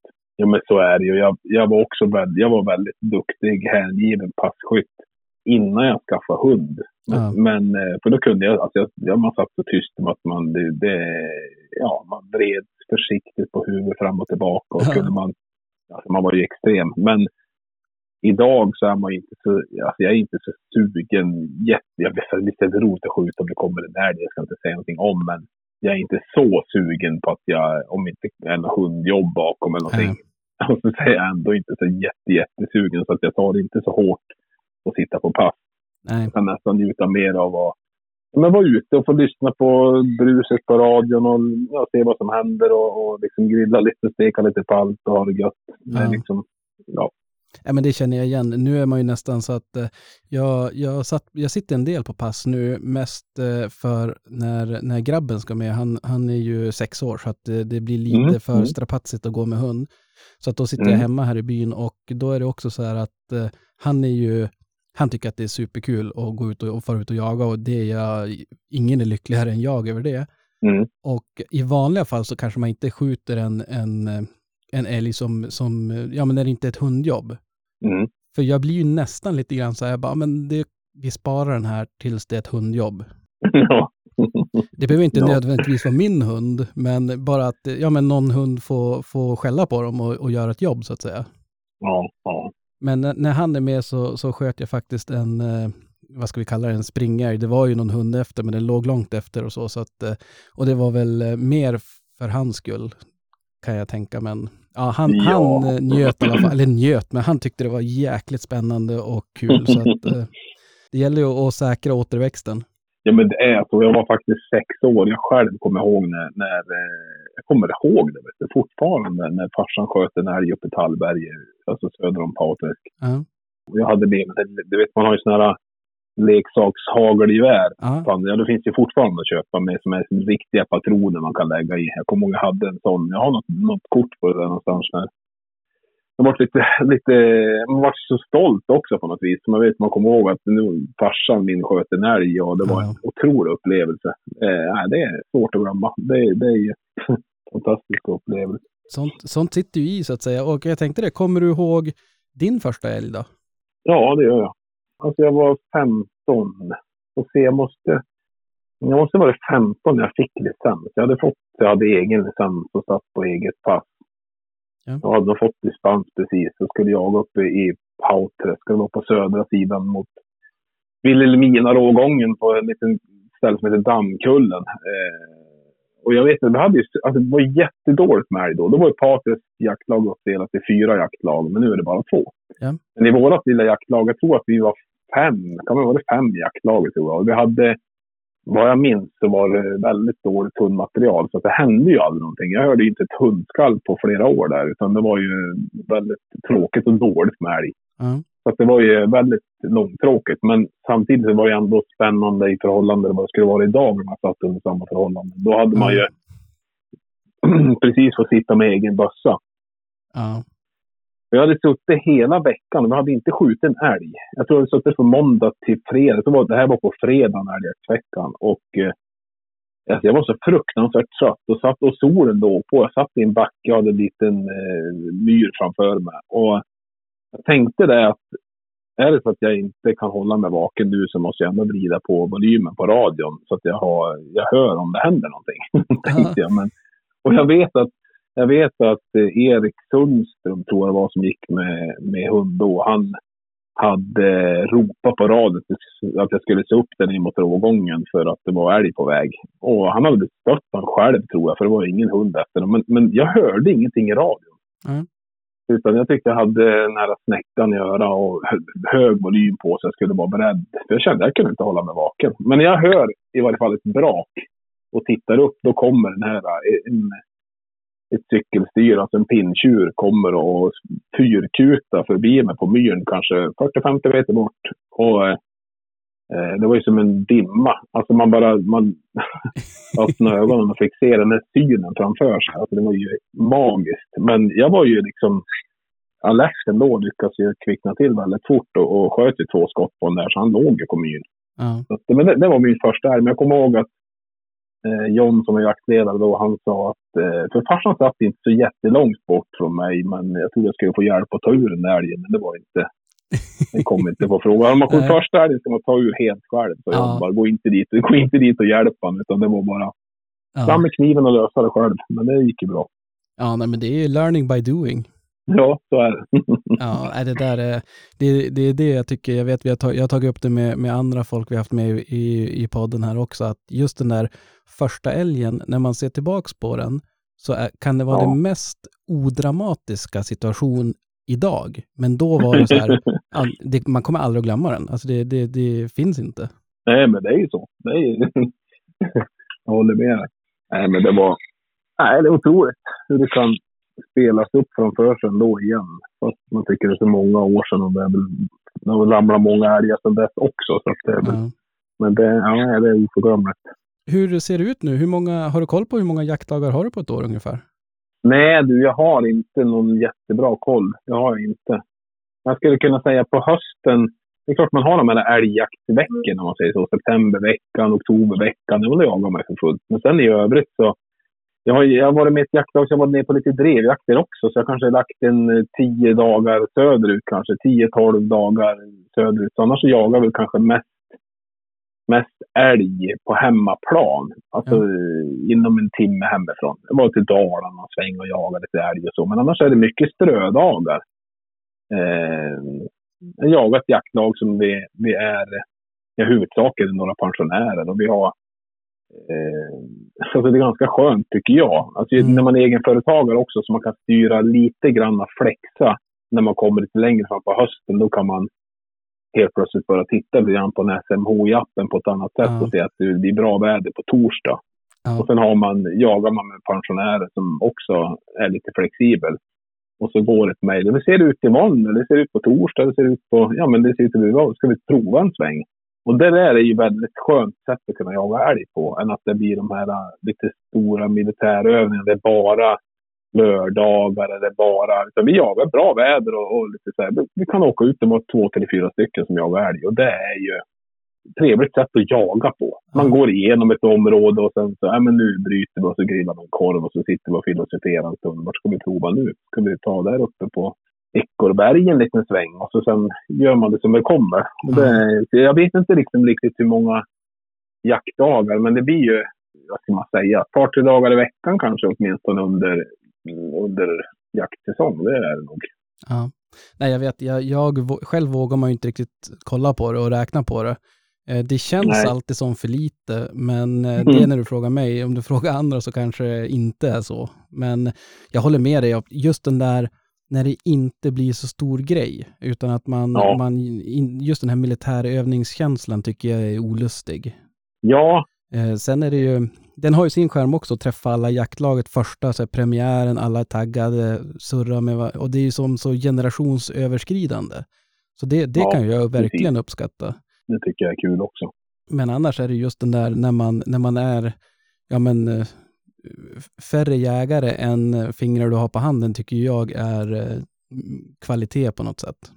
Ja, men det är ju så. Det, det blir väldigt lättsamt om man tar det som det kommer. Och man kan bryta såtarna och man kan samlas och man kan prata ihop sig på ett annat sätt och det blir lite mer familjärt på något vis. Lite lättsammare. Sen är det ju, jag får väl säga så att man, jag kan väl nästan känna att när man jagar en hel vecka vecka, då börjar man bli lite trött. Hundarna börjar bli trött i slutet av veckan. Mm. Man börjar tappa lite motivationen själv. Och åtminstone jag som försöker få med mig både systemkamera och filmkamera och alltihopa ut i skogen, så vill jag gärna känna det här, liksom att man känner en, en motivation också av att gå ut. Och det är klart att blir det för många dagar på raken, då börjar man tappa lite grann där. Man är inte lika sugen som man var dag ett när det drog igång. Ja, det där vet jag, jag har tänkt många gånger att när man, när man är på väg hem från en jakt tänker man så här, men du, imorgon, fan det hade varit skönt med en sovmorgon. Ja, ja visst. men, men problemet är när man väl kommer hem och så bara, ja, fast kollar man den här appen som du säger, bara fan det ska ju bli ganska fint imorgon. och då börjar det där suget komma smygandes ändå. Alltså det, ja, det är, eh, jag tänkte det, du sa tidigare så här att det var kanske eh, löshundsjakt på älg som var som eh, det, om, du, om du var tvungen att välja någonting. Och jag menar, jag har ju kollat ja. en hel del på din kanal där, Sandell Hunting på YouTube. Och jag vet att du ja. jagar mycket annat. Jag vet att du, du har haft, eller du har några väldigt fascinerande videos på räv, åteljakt på räv. Som jag mm. verkligen ja. så här börjar fundera när, vilket rum i huset ska jag välja? hur ska jag köra ja. ut, köra med skotern för att få det här krysset och ja. Ja, men alltså, ja, det finns ju lite olika, olika jaktformer att dela med, men den här återjakten är ju faktiskt lite, lite ro. Och det jag kan känna nästan som är roligast med de där filmerna, det är den här eh, inspirationen som han ändå verkar smitta av sig på något vis till andra människor, andra jägare där ute som har velat prova på den här jaktformen bara på grund av att man har gjort och delat med sig någonting. Alltså jag kan ju säga så här, det finns ju så många som, som har eh, så mycket mer erfarenhet och så duktig, mycket, mycket mer e-, alltså, kunskap om jaktformen som sådan. Men samtidigt så kan man, det är ju det som jag tycker är lite kul, kan man dela med sig av sina erfarenheter på något sätt så kanske man kan, det är lika som jag hör ert snack också om hundar fram och tillbaka så är det ju, alltså delar man med sig av sina erfarenheter och kanske kan vägleda varandra. Att man är öppen för att man inte är fullärd inom något område kanske. Så kanske finns det en öppenhet för att kunna utvecklas. Och det tror jag att man ska vara lite ödmjuk inför. Ja, nej men absolut. Åteljakten har varit lite rolig, men den har varit väldigt, väldigt eh, krävande. Väldigt svårt att filma räv i kolmörker, kan jag säga. Det är ju... Att det kan jag tänka mig. Jag blir alltid så här, nu, nu mm, när det är de här fina fullmånenätterna tänker jag bara nu, men jag, jag har faktiskt slagits av tanken, bara, hur kan, ibland så är det ju verkligen, det är ju väldigt ljust, men det är väldigt ljust tills du, då kollar jag ju bara genom telefonen, tar upp telefonen och försöker filma något. Då är det ju så här Mm. helt, ja, jag misstänker, nu har ju du säkert be betydligt bättre utrustning, men ändå utmanande. Ja, det är ju det. Alltså, jag, har ju, jag har ju en IR-lampa som, som eh, alltså det är ju samma ljus som är typ en fjärrkontroll, en TV, TV-dosa. Ja. Och den eh, sitter monterad på, på videokameran så att videokameran tar upp det ljuset. Jag har en videokamera som, som läser IR-ljus. Ah, okej. Så att det är ju, men det blir ju svartvitt blir det ju. Men det gör ju en, ja det ger en alltså möjligheten att kunna filma i kolmörker med videokamera. Men däremot så sitter jag där som ett, som ett frå. Alltså jag, jag ser bara kolsvart. Ja. Så för mig säger det ingenting. Men det är just att eh, det som är svårt är först att hitta någon IR-lampa som, som är vettig att kunna använda sig av. Jag har ju köpt alla möjliga och prova och skrämt rävar så att man börjar bli liksom, tänker man, vad håller man på med? Det här är liksom predatorjakt och skrämma så här mycket rävar. Och så får man sitta x antal timmar innan det kommer en räv. Och sen skrämmer man den också för att man ska hålla på och filma. Till slut så börjar man bli... Ja, Eh, men nu vet jag ungefär hur jag ska göra. Men jag skrämde ju då här förra veckan som var fram. Så. Det är just Ja. att det blir... Man ska på med när kameran alltså, lyser upp lite grann mot ansiktet på en. Och så ska man försöka dölja det och krypa under något täcke och grejer. Men ja, det, det går om man, Eh, om man jag- göra det lite. Jag förstår, det måste ju vara, och det är ju det som är, det, jag- vet inte, jag kommer tillbaka till det där jag säger att utmaningen, de, det man kommer ihåg det är när det har, har jä- jävlats på ren svenska och sen lyckas man. Och jag menar, Ja, om, om målet hade varit för dig att, att skjuta en räv på åtel så hade du säkert gjort det tio gånger innan du lyckades med att filma det, tänker jag. Nej, men så är det ju. Alltså, ska jag bara, och det var ju ett par år sedan, då tyckte jag här, nu hade jag, jag har ju liksom lämnat väg så pass många avsnitt tyckte jag på YouTube om rävjakt. Jag har ju ingenting om mer att säga. Vad ska, vad ska jag dela för någonting då? Men så då, då tänkte jag, men nu struntar jag i det här med filmning. Så satt jag och sköt rävar och tänkte vad lätt det var att bara sitta och, och eller ja, lätt ska jag väl inte säga, men mycket lättare. Mm. Eh, såklart utan att fundera på någon kamera. Men, men nu är jag ju där. Nu har jag filmat tre, re- tre rävar den sista veckan som jag har på film och, och filma lite runt. Så jag ska väl sätta mig och dra ihop en film för det är efterfrågat. Och det är klart, det är väl inte så många som gör sådana filmer heller. Så det är klart att det kommer bli roligt då. Ja. Och föl, följa något ytterligare avsnitt då. Det blir väl. Det kommer något snart. Ja, men och även om det skulle vara många som gör det så tänker jag att du eh, gör det på ditt sätt och det, det tror jag många med mig uppskattar. Jo, men det kanske är så. Definitivt. Sen tänkte jag, man kanske, man kanske backar lite grann också med, med, med YouTube. För jag tänkte, jag, jag tänkte, det släpps ju så mycket filmer och allt möjligt. Så jag tänkte, det är väl inte något så intressant. Men sen verkar man, bara- alltså man måste nog inse att folk tycker det är intressant att följa det man gör. Då ska man kanske, brinner man för det så ska man fortsätta och, och dela med sig. Man har ju massa älgjakt som ligger oredigerat också som man skulle behöva ha gjort någonting med och sådär. Så det, vi får se vad som kommer framåt. Ja, det måste du definitivt ta tag i i sådana fall, tänker jag. ja. Ja, nej, jag tänkte det. Du sa ju också tidigare att så här, ja men just vad, eh, eller jag ska ställa frågan, jag ska inte lägga ord i munnen på det, men vad är det, vilken jakt tycker du är roligast och varför? jag tycker älgjakten är roligast. Och det är väl egentligen på grund av att alltså jag har ju hundar egentligen till, till älgjakt. Och jag har, sen jag skaffade Leo då, då för eh, över 12 år sedan nu då, 13 snart, som jag skaffade han då, som var min första älghund. Så, så eh, var jag runt på mycket älgjakt. Det var jagat med många ja, skogsbolagen och man jagade, fick nya jaktmarker hemma vid och liksom insåg att vilken fantastiskt trevlig jaktform. Ja, Så då vart jag väl väldigt mycket fast i det. Men sen så är det klart att jag pyschar ju pyschar bock och hjort. Jag åker på drevjakter, jag jagar bäver, jag vakar på räv och man jagar lite allt möjligt. Men det är klart att mina hundar, det är ju i huvudsak eh, älgjakt. Björnjakten tycker jag är också väldigt, väldigt, väldigt rolig. Men det är ju att, eh, och Leo fick jag ju skjuta björn för och sådär på ståndskall för. Men, men det är just att den är så kort så jag vet inte om jag tycker att det är så värt att, att prata så jättemycket om det. Två, tre dagars jakt i Hälsingland för att hålla hundar för det. Alltså, det, det känns inte som att det är någon idé. Det är imponerande av de som, de som, eh, det är ju många som är väldigt duktiga och väldigt drivna och, och håller hundar för, hundar för det och eh, ja, jag, jag, alltid, jag blir så imponerad av dem att det är så här, ja men det är ju tre dagar som du säger, då är det över. Ja, ja. Nu är väl de oftast ganska mobila och far dit det inte är skjutet fullt så att säga, men Jo. Ja, det, det är imponerande. Ja, men precis. Nej, jag, jag tycker att det är, eh, nej, men det är en fascinerande jaktform. Björnjakten är ju, alltså det är svårt att hitta någonting som är mer spännande än björnjakt. Alltså, har du ett ståndskall på en björn och så gå in i någon och stå lite trångt till någonstans. Alltså, det är med det gäller att hålla tungan rätt i mun och, liksom, och vara fokuserad till, till 200 procent. Så, så kan jag känna. Jag har väldigt respekt för björnen. Jag tycker inte det är någonting man ska, ska leka för mycket med som det gäller att ha respekt för dem. Men det, det är en, en härlig jaktform. Mm. Eh, absolut. Men just nej, men ska jag få välja så är det lösensjakt på älg. Men sen är ju frågan, det är väl som det är med allt. Det beror lite grann på vilka förutsättningarna det är också. Om jag skulle gå in i ett jaktlag med, med 70 pers och 15 andra hundförare så kanske jag inte skulle tycka att det var roligaste stället att vara väl på. Men mm. Eh, alltså, det är som det är med allt. Eh, det beror på lite grann vilka förutsättningar för jakt man har också. Men kan man gå ut med, med en hund och såtjaga liksom i, i lagom mycket passkyttar eller rent utav och ute själv och bara låta släppa hund göra upp en brasa koka lite kaffe, lyssna på ett ståndskall och bara njuta av, av livet. Då är det ju, nej. Det är inte mycket som slår det. Nej. Kan jag tycka. Nej, jag håller med. Och det är ju faktiskt det jag ska tillägga, det är att man behöver ju faktiskt inte välja, utan all, all, alla jaktformer och alla, alla typer av jakt har ju sin tjusning, så att säga. Ja. Men jag är väl lite grann som dig, att det är, det är inte mycket som slår där med att och, och få släppa, släppa hund och höra ett ett upptag och, och ja, bara njuta så att säga.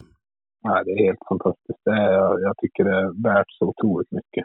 Mm. Och sen när man liksom just det här äh, smyga ut och liksom man, man vet vad man har för hund med sig ut och sen hur de försöker läsa av hunden och så läsa av marken och fundera på vart är älgarna någonstans nu? Vart tror vi att de har sitt bete? Går de på blåbärsris eller är de på lövslyhyggen? Eller just det analyserande liksom ja. blir ett upptag. Vad händer nu? Undrar jag färgen och hittar hunden nu. Och så går det iväg och sen, ja, vilket håll kommer det gå åt? Analysera, man börjar titta, ja men det kommer att gå i generalpass eller blir det... Nu låter det som att man tittar på pejlen, man ser liksom hastigheten på hunden, skallintensiteten och så börjar man fundera. Nu börjar det krypa ner. Nu är, nu är det ståndskall. Nu börjar det gå över till ståndskall. Ja, nu är det stopp. Ja. Och sen den här liksom ansmygningen när man får liksom verkligen liksom bara suga på karameller när man verkligen liksom känner nästan eh, samarbete med hunden där. Och liksom, nej, jag tycker det, åh, gud vad sugen jag vart att jaga nu. Ja, jag med. Jag tänkte, satt just och tänkte på det, vad helvetet nu. ja. det är slut på älgjakten om man sitter och pratar så här. Det blir ju... Mm. ja, det, det är helt fantastiskt. Du, du förmedlar det väldigt, väldigt bra också tycker jag när du berättar det där. Att det, jag fick ju ja. nästan uh, gåshud här och tänkte börja kolla på, snegla på hur lång tid är det kvar. Men vi har ju en och en halv meter snö här ute så det är ju ett tag kvar. ja. Men jag tänkte på det, din, din senaste film du har lagt upp på YouTube, det är ju den här eh, låten som du och, nu kommer inte jag ihåg vem det var som hade skrivit musiken, men du, jag minns att du hade skrivit texten i alla fall, Leo min Leo. Ja. Eh, och en, en, eh, som jag tolkar i alla fall, en hyllningssång till din fyrbenta vän. Ja. Och det är ju alla som någonsin har haft ett djur och eh, behövt, eh, antingen av, på grund av sjukdom eller ålder, men, ja, men behövt eh, säga hej då till den, vet ju hur tungt det är att tappa vänner. Ja. Men eh, hur, ser, hur ser hundstallet ut idag? Eh, hundstallet idag ser ut som att just nu, jag sitter faktiskt nere i hundhus. Jag har liksom, eller hundhus och kontor kombinerat i ett, så det är faktiskt väldigt lämpligt. Jag har Gibson, en, en australisk Laika som är sju år. Och sen har jag en avkomma efter honom som heter Burre. Ja. En eh, svart Laika och han eh, blir nog, han vart väl trean nu. Ja, ja, tre år. Och sen, så det är de två som jag har just nu. Sen hade jag en liten lajkatik som heter Lenja också, men hon är nere i Jo. Hon är lite lite väl trångsökt för att passa på mina breddgrader. Hon jagar för fullt, bra påhäng och liksom jagar älg och vildsvin och sådär. Alltså hon, hon jagar för fullt, men det är, det är för trångt sök för, Ja. för att man på något vettigt sätt skulle kunna jaga det jag jagar kan jag tycka. Så just nu är det två, två östlajker där. Och sen så är det väl lite grann, ja, vi får se vad som händer. Jag har ju klurat lite på valp här framåt och sådär vad det ska bli om det blir en jag hade ställt mig i, i kö på en parning som skulle bli nu, men nu vart det framflyttat den parningen. Annars så hade det kanske blivit en jämthundsvalp här. Men nu vet man, det kanske blir en till lajka ändå innan det är färdigt.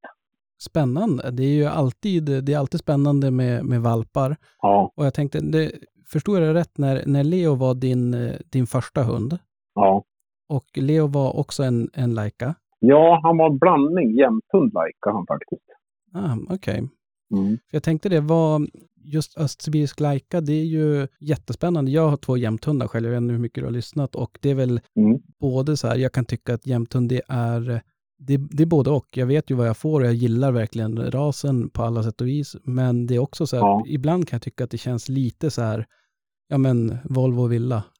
Alltså det är, Precis. och jag jag blir alltid så nyfiken för vi, vi har en ambition av att prata med lite uppfödare och så vidare och framförallt också de som har olika. Vi har ju en Krille till exempel som har Hälleforsare Mm. och nu har även han lurat in Micke på, på Hälleforsspåret. Men jag, jag, jag tänkte det, hur, hur, eh, varför valde du östsibirisk och eh, ja, men om du får berätta lite grann om rasen, vad du tycker och tänker.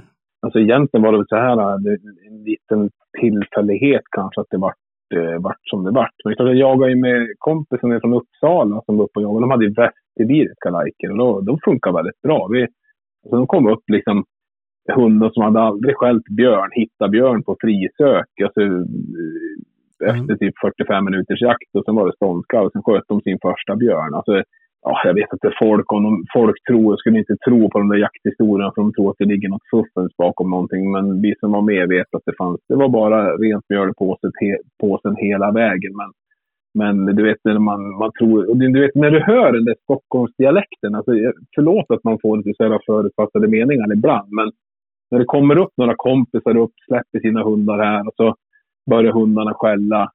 Eh, det enda jag hade då var att jag visste att de hade, eh, att de hade sett en björn två, för två veckor sedan uppe i Vinberg. Liksom. Ja. Alltså, det, förstår, det är inte så här liksom, att det står en björn i morse där bakom en krok, utan det var liksom, Nej. nej, två veckor sedan har de sett en björn. Ja, men vi kanske ska prova där uppe. och du vet, sen tar det 45 minuter, sen, sen är det fullt ståndskall och, och två västerbiriska lajker öser på. Sen hör man den här Stockholmsdialekten, det var dit det skulle komma.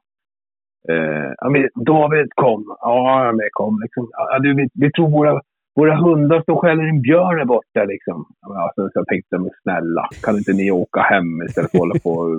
Jag menar, alltså, man vill ju inte Nej. de hade inte sett det, men nej, vi tror vi att det morrade i buskarna här liksom.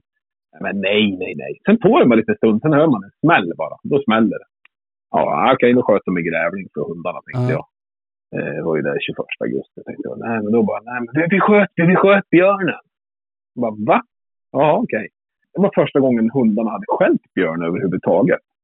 Sen så tar det två dagar till och så sen så hittar hundarna eh, en björn, eller hittade, tog upp någonting och började skälla. Och sen går det iväg kanske 700 meter, sen släpper de. För de hundarna hade inte längre påhäng. Alltså de, de håller sig till en kilometer om det var någonting som sprang iväg. Utan de bara släppte nästan på en gång. Och sen så sprang de runt och började söka tillsammans med hundföraren igen.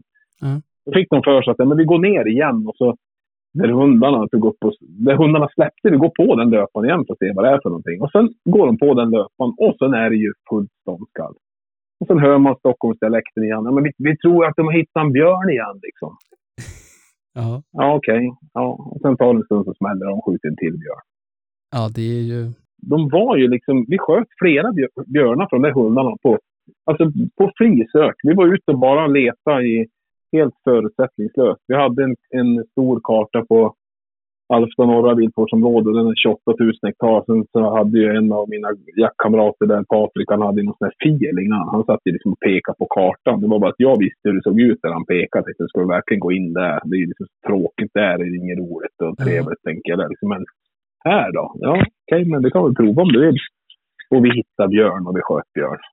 Men det är sådär, som, som jakt kan vara. Men det vart jag väl lite, ja, jag bort från spåret, men, men just att med Laike så vart jag lite så här, vart lite intresserad där. Och sen var det en kompis som skulle ta en, en sån här jämtlajka från en parning och det fanns ju fler kvar. Och jag vart ju liksom sugen i samband med det där. Det var typ 2007 måste det vara. De var på att jaga björn. Jag vart ju liksom sugen på egen hund då. Mm. Och eh, sen slutade det med att jag var iväg och hämta Leo där nere då, nere åt Skövde någonstans. Och eh, började väl jaga in han då. Och det var ju, om man tittar tillbaka mina referenser till jakthund idag eh, och tänker på hur han var som unghund så var väl han egentligen ganska, vad ska man säga, du vet när man har, de springer ungefär 150 meter från en i ett sök när man började. Alltså när de var när han var 8, 9, 10 månader när man började ska liksom, ja, trä, träna lite Mm. skogsträning och lite grann, lite grann injagning. Sen ramlade man iväg och så vart det lite älgjakt och så tänkte jag men nu krokar jag lös honom en sväng. Men han var ju mest runt stövlarna och sprang och hade ett poäng. Hittade han en älg så släppte han den efter kanske 700-800 meter. Ja, okej. Men sen rätt som det var så var det ett ståndskall när han var 10 månader gammal. Då stod han och skällde på en ko och kalv. Ja. Och jag fick smyga in och eh, lyckas ju komma till skott där och sköt kalven för honom då. Och, och klappa om han. Så faktiskt precis just där, där jag sköt hans första älg, där ligger han begraven idag, Leo. Ah. Men vilken jakthund han blev, nu ska man inte liksom, jag vet inte vad man ska säga, jag tycker ibland så kanske man skryter upp hundar för mycket och sådär. Men han var en sån här hund som, som eh, han vart trångsökt. Han var, han var, eh, vad ska man säga, han var inom typ 300-400 meter från en. Men han jobbar ju. Hans, fram tills han var 5-6 år kanske han låg i snitthastighet på sök. Bara låg han ungefär på 10 kilometer i timmen och det var på sök. Ja. Han gjorde ju en mil i timmen bara. Och bara men liksom han, han, jag kunde ju gå ganska fort och han bara letade igenom allt. Och sen var han en hund som ganska snabbt lärde sig att han sprang upp på stenar. Eh, på bergsknölar så stod han bara och lyfte nosen. Så stod han och bara kände och lyst, eller liksom letade efter doftmolekyler. Sen så var det full fart bara. Och sen kunde det vara ett uppdrag två kilometer bort på ståndskall. Ja. Sen var han ingen hund som, han offrade inte så, så mycket tid och en, alltså energi på älgar som, som skena, utan vart det skenälg, alltså då kunde han släppa efter två kilometer. Sen, var, sen gick han liksom i 10-15 kilometer i timmen på tillbakagång tillbaka till mig. Sen fort tillbaka och så gick vi vidare och så letade han nya älgar. Men det var ju en hund som det vart, vart ju väldigt mycket älgar skjuten för honom. För att han, Han var effektiv. Ja, det vart effektivt. Och det är klart att är det hyfsat med älg och sådär, så att då är det klart det är onödigt att man kanske jagar mil efter mil efter en skenälg. Så Mm. kan det ju vara. För den Laikan som jag har nu, Gibson, han, eh, han är ju också kanske en aningen trångsökt egentligen då, men, men han, hans påhäng är ju jag menar, jag fick ju tag på någon älg på potatis. Jag man får ju- fick ju typ hämta den i kunnan. Liksom så här. Alltså, Mm. Han ges ju inte. Det blir ju miltals, så Mm. är det. Men egentligen varför jag... Alltså Laikan som ras, det är väl lite grann det som jag tycker är lite kul att de är... De är snabba. Alltså de tar ju mycket, lägger mycket mark under fötterna. Liksom snabba, lätta, snabba, eh, glada, positiva hundar Ja. som kanske, nu ska jag inte säga att mina är sådana, men många som jag tittar på av liken också kan jaga med samma intensitet klockan åtta på morgonen, eller klockan fyra på eftermiddagen som vi gör klockan åtta på morgonen. Ja. Till exempel som tiken som, som eh, jag parar Gibson med, som jag har Burre efter. Den tiken, Barry, hon är en fantastiskt rolig hund att titta på hur hon jagar. För hon, hon jagar ju mest vildsvin. Men just att den här svansen rullar aldrig ut sig och tempot avtar aldrig. Ja. Alltså det är full frisk fläkt hela dagen från morgon till kväll. Och kan ju tömma grisplanteringar och ha jättemånga ståndskall och eh, så glad och positiv hela tiden. Och ingen, ingen vägkutning i de som jag haft heller. Att det har blivit att eh, de har bara försvunnit i fjärran på så vis. Utan Mm. de brukar ju liksom låta ändå husse vara navet i deras jakt. Ja. Japp. Men eh, ja, har man fler hundar så ska jag det är därför jag tänker jag skulle kunna tanka haft en som var lite mer vidsökt. Om man skulle komplette- komplettera mitt hundstall med någonting så skulle jag gärna haft någon som var lite mer, lite mer självständig. Jag vill ändå inte ha någon som bara släpper ut i bilen och som går åt vilket håll den vill utan att ha någon kontakt med mig överhuvudtaget. Det vill jag absolut inte ha. Men Mm. någon som hade kanske ett grundsök som kanske kunde dansa ut på ja, men uppåt en kilometers sökturer i varje fall. Eh, med den intensiteten och tempot och, och liksom eh, och ändå att den, om den inte hittar någonting, kom förbi mig och sen så drog vidare igen. Liksom sådär. Typ, det är ju något drömscenario. Ja, nej men absolut. Och jag tror just det där med att det du säger där att man, eh, ja men om man ska skryt, skryta upp sin hund och jag tror att en viktig grej att komma ihåg där, det är ju vad man själv, alltså det som passar dig och det är som du säger, du, tiken som, som var kanske lite för trång för de marker där du jagar kan ju vara perfekt på en annan mark. Absolut. Det är ju det man måste komma ihåg någonstans, att eh, det där är ju, ibland kan jag känna att det blir som en tävling mellan, ja, om man ska kalla det hundfolk, att ja men jag tycker min hund är bra. Nej men det är den Mm. inte. Jo men den är bra för mig. Alltså det är ju, Ja, vilken tur absolut. att, att man fick den hund som man tycker själv är bra. Och det, det ska man Ja. väl glädja sig åt tänker jag. Ja, men så är det ju. Och det är ju kanske finns lite för mycket och sånt i, i jägarled också. Att man, man kanske inte kan välja att respektera att någon annan har valt någon annan typ av hund eller tycker om, tycker om en sak medan den andra tycker om något annat. Lika som det kan vara en jaktform. Hur kan man sitta och locka in en älg när man kan skjuta den på ståndskall? Det är helt en oduglig jaktform. Nej, men man väljer, man tycker om olika, olika inslag och sånt där. Men det är väl Eh, jag kan inte säga, jag, jag, jag tycker om likerna, men sen har jag jagat med så många, jag har ju haft jämthund också. Jag, tyvärr så vart ju Saga vart ju bara, ja, vart hon ett och ett halvt år hon innan hon vart ihjälsparkad av älg. Så att eh, det gick ju den vägen med den jämthundsstiken. Men, men i övrigt så har jag jagat med många duktiga jämthundar och, och många duktiga gråhundar. Och så. Så jag är väldigt egentligen öppen för, för andra raser. Jag Ja. tycker det är väldigt intressant bara. Det är, ju- ja, och just att fundera lite grann vad de har för, för eh, egenskaper. Liksom. Det är ju, ja, jag tycker det, det är kul faktiskt. Ja, jag håller med. Vad, vad tycker du är, om du får, för, för dig så att säga, vad tycker du, vad värdesätter du för egenskaper hos en, eh, en älghund? Vad, vad letar du efter om man säger så? Vad är viktigt? Alltså, förmågan att finna och förmågan att ställa älg är ju en, en egenskap som man... Det där är ju liksom lite, svårt också. Jag, säger, jag är inte alls insatt i alla provregler och kan vara någon jätteduktig på hundar egentligen, kanske älghundar överhuvudtaget. Men just att jag vet ju det, man pratar med andra också, att vissa hundar kan ju ha ett bra sök i förhållande till liksom att ja, men här är husse och den ligger ute på ja, man pratar tid, kanske ligger ute på en 20-30 minuters sökturer. Och pratar man avstånd kanske ligger ute på en kilometers turer. Men, men, men ändå inte hittar älg liksom. Nej. Då, alltså, det beror lite grann just man måste ändå ha den här, den här eh, som krävs också för att verkligen hitta igen älgarna. Liksom. Ja, Medan vissa kanske behöver en liten doftmolekyl. Att det, gick, det har gått en älg här senaste dygnet så, så är den på fötter inom några minuter. Oavsett om det är kanske 500 meter bort eller en och en halv kilometer bort så har de bara löst det. det, det är liksom, nu är det jakt. Ja. Men de egenskaper, det är klart att i en drömvärld så skulle ju varje, den älghund man har skulle ställa alla älgar den eh, hittar. Och sen hittar de så och sen att de har en, en, ett bra tempo i sök och att de, ja, jag vet inte vad man ska. nej. Men det är just den där förmågan att ställa, förmågan att finna. Och sen så tycker jag att det är ändå bra med att de har, jag tycker det är bra att de har kontakt. Alltså jag, jag, sen har ju, jag måste tillägga det också, jag jagar ju på marker där vi har vargrevir här. Och det är ju också en, kan ju vara en parameter som också känner, gör att man, man vill ha hundar som inte bara man släpper ut i bilen och lever sitt liv för mycket i eget sök, i- alltså för stort. Utan man vill att de kommer förbi så man kan vissla in dem och, Ja, och ta in dem och kunna liksom bryta en jakt utifall man vet att det är vargar som har gått in i såten och sånt. Det är ju en, en eh, stressmoment tyvärr, men vi lever ju i det som, som gör att man kanske vill ha lite följsamma hundar också egentligen. När man jagar.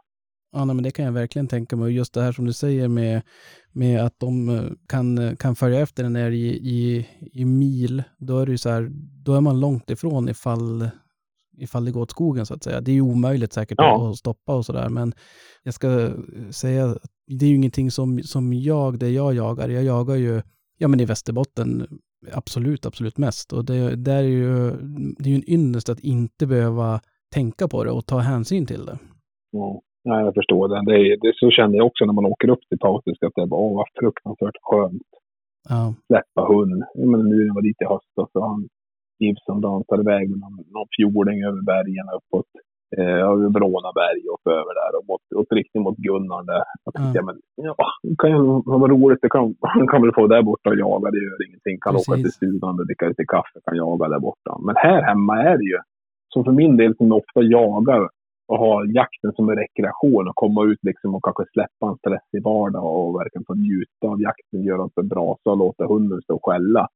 De där grejerna tappar man ju lite grann nu, för det är ju, nu handlar det inte om att sitta och grilla och koka kaffe, utan nu vill man nog vara i närheten av ett ståndskall, för vargen är där. ja, Nu jagar jag i revir där inte vargen har tagit någon hund. Så jag förstår det. Så att det är liksom just, där, just nu är man där. Men, men tar de en hund någonstans, ja, då får man ju lägga ner jakten där. Men eh, det, man är lite kluven. Jag har ju haft flera situationer att man har sett eh, vargar i- alldeles i närheten av där hundarna står och skäller och sådär. Det, det har ju uppstått saker så att man, man är ju lite, man blir svettig då. Så är det. ja. Jag kan förstå att det är verkligen en, eh, ett stressmoment i det som, som du säger annars ska vara rekreation egentligen. Ja. Så att, eh, men, och det där tänker jag på, det, det måste jag säga, jag tycker du är väldigt, väldigt duktig på att förmedla. Och jag tycker att någonting som, eh, som jag ibland brottas med, det är att när jag ska, när jag ska försöka förklara för utomstående eller icke-jägare vad jag tycker tjusningen är med jakt, så eh, har jag, stöter jag ofta på patrull och många fastnar i själva skjutandet eller dödandet av ett djur. Eh, Men det är ju inte det Mm. som, som får mig. Visst, det är det är som du var inne på, det är inte allt, men det är ju en del i det och det är ju som när, när allting faller på plats, då är det det det handlar om. Går jag ut och jagar med, med min hund så är ju någonstans målet att han ska skälla en älg och jag ska smyga in och att jag ska lyckas komma till ett avslut. Men det är ju inte det, det är ju inte själva dödandet som är essensen på något sätt, utan det är ju, det är ju hela upplevelsen och det, det måste jag säga, det, det är väl egentligen ingen fråga, utan det är väl mer kanske en, en feedback till dig, att jag tycker du är väldigt duktig på att förmedla det. Ja, men vad roligt att, att höra. Ja, men det jag tycker det är egentligen vägen fram till skottet som är liksom den, den roligaste grejen med, med jakten. Alltså, det är det som är bakom. Före det ligger ju alla förberedelser, det ligger träning av hundar, det ligger liksom eh, Eh, analyserande, vart ska vi gå in någonstans, var är vinden idag, och liksom hela, hela kedjan. Det är liksom, eh, och den är ju, ja, jag vet inte, den, ska man bara tänka att det handlar om att man ska skjuta någonting, då, då kan det nästan bara åka på en skyttebiograf eller någonting. Jag tycker liksom hela, hela länken fram. Och plus att det blir inte lika, det kanske tar bort det. Så det är inte, kanske inte lika viktigt heller med skott utifrån att man, man går där med sin hund som gör ett bra jobb. I, i det så är man ju liksom lycklig. Jag vet att Peter Ekeström på, på eh, Jaktliv i fjol när vi spelade in älgjakt där borta i Malung med SVT. De gjorde ju ett avsnitt när de jagade. Han, han tittade lite grann på mig så var lite fundersam, men alltså han såg att jag var det här är ju essensen av jakten. sa åt honom. Och det är ju, alltså hunden skäller. Det är ju det är, det är som att man är så lyckad som man skulle kunna bara, Ja, det är redan klart. För att man är så glad av att vara där och känna på den. Ja. Den pulsen är ju, nej. Men sen är ju olika, jag förstår det. Vissa, för vissa är det jätteviktigt att de ska komma till skott och det är det som är, eh, annars är det en misslyckad dag i skogen. Men sen så det får jag respektera också att man är olika. Men man, jag vet att man kanske kan ha en, ha en liten plattform och det är väl liksom det jag känner själv att jag tycker det är så Sen är man väl naturmänniska kanske i övrigt och, och en hundmänniska och kanske brinner för, för andra saker. Men jag tycker ibland kan man kanske hjälpas åt att kolla på det här är också inte helt fel och, uppskatta. Att man får vara med om en fantastiskt spännande situation som man kommer att ha med sig resten av livet. Jag kan ha en sån grej med sig fast man inte lyckas komma hela vägen till att man kramar en avtryckare. ja, Och det, det behöver inte vara liksom att någonting är helt förstört och katastrof att man inte lyckas hela vägen. Det kan bara vara en, en upplevelse, ett minne för livet som, som eh, ja, helt oförglömligt att ta med sig. ja. Nej, men det där, det där vet jag. Jag vet, jag har en, en dotter som, som är väldigt djurintresserad. Hon håller på, håller på med hästar och det är hundar och kaniner och, och allting. Och eh, hon brukar alltid, pappa vilket är ditt favoritdjur? Och så sen hon bara, nej men Mm. jag får gissa, det är älg. Och jag sa, ja det är väl Mm. hund och, och älg. Ja absolut sådär. Ja, nej, men det, jag, jag gillar älgar. Och hon Mm, mm. brottades ju ett tag med, om du gillar älgar så mycket, varför jagar du Mm. dem? Och när hon Ja. ställer frågan till mig så, då blir det så här, ja, den är inte helt enkel att förklara. Nej, Men det är ju så det funkar. Jag menar, många gånger de som bryr sig mest om älgstammen, det är ju jägarna. ja, men så är det. Absolut. Så att det är ju ett komplext förhållande på så vis. Och det, det är ju inte helt enkelt att förklara. Om det är svårt att förklara för, för en, eh, vad har hon, kanske 6, 5, 6 år då, det är ju svårt att förklara för en vuxen också för mig ibland. Ja, men så är det. Så är det. Och det eh, ja, jag, ja, jag håller med dig. Att det är svårt. Och det, men sen så tycker jag ändå i det här med, ja, men med media oavsett vad man delar. Så att, eh, om man ska dela för, för eh, alltså Youtube till exempel. Det är offentligt för alla att kunna gå in och titta på vad de vill. Ja, Så att eh, hur, hur den är så blir det ju lite så här, det man delar med sig, det kan vem som helst ta del av. ja, Och då, då gäller det att man, jag tycker så här att oavsett om man vill eller inte så är man ju mer eller mindre en representant för jägarkåren med det man delar. ja, Och det är så här, och egentligen så, jag, jag har sett liksom scener ibland, man ser liksom, ja, titta här nu vart det ett repeat, nu, nu är det vildsvin som skriker eller nu är det någon eh, det och det. Liksom så här, och det kanske, och jag som jägare kanske inte ens uppskattar att se det här en gång till. ja, Alltså jag, för det är ju så här, ja, men, både du och jag vet ju, eller hur, när man är jägare, att man, man skjuter ett fångskott och det kanske inte blir så vackert alla gånger och sådär. Men Mm. liksom, jag har ju massor med grejer på film och med sånt också. Eller massor, men man har ju såna grejer som att ja, det var inte så roligt att se, men det var ett snabbt avslut och nu är det klart. ja. Alltså det är inte, men det är kanske inte den lilla sekvensen som jag vill se en gång till. Men Nej. delar jag en film så kanske jag liksom, men det räcker. Jag kan, älgen ramlar nu, det är lugnt. Jag behöver inte ta med den där liksom, utan det tycker jag liksom, och det, jag tycker inte heller att man ska bli så här att nu ska jag censurera allting.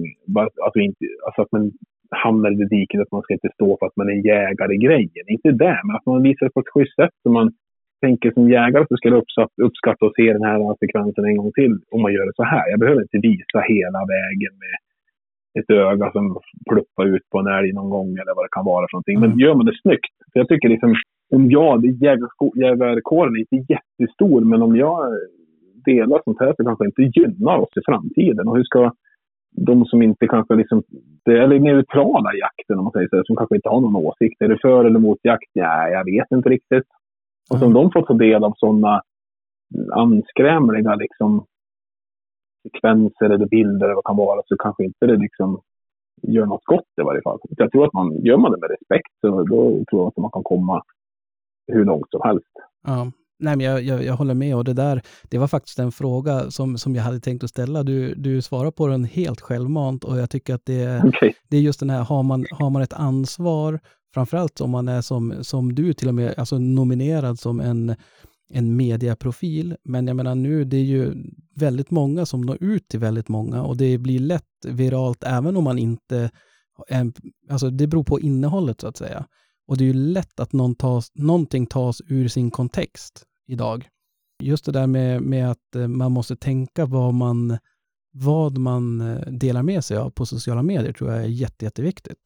Ja, men jag tror det. Alltså inte, inte att man hamnar i diket att du måste liksom förlåta att jag jagar, inte den grejen. Så jag tror att man bara att man tänker liksom, skulle jag uppskatta att se det här en gång till? Eller kan det här liksom se, eh, vara anstötande liksom så? Alltså det är klart att det, det, det handlar om jakt, det handlar om att man, att, man går ut, att det handlar om att döda djur och alltihopa. Så, så är det inte då liksom Nej, man nej. behöver cen- censurera så.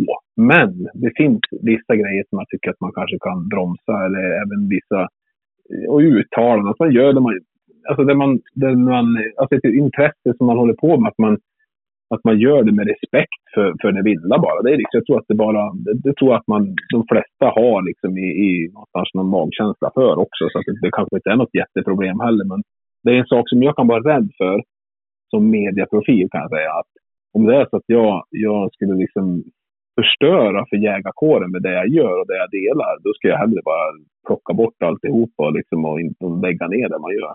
Mm.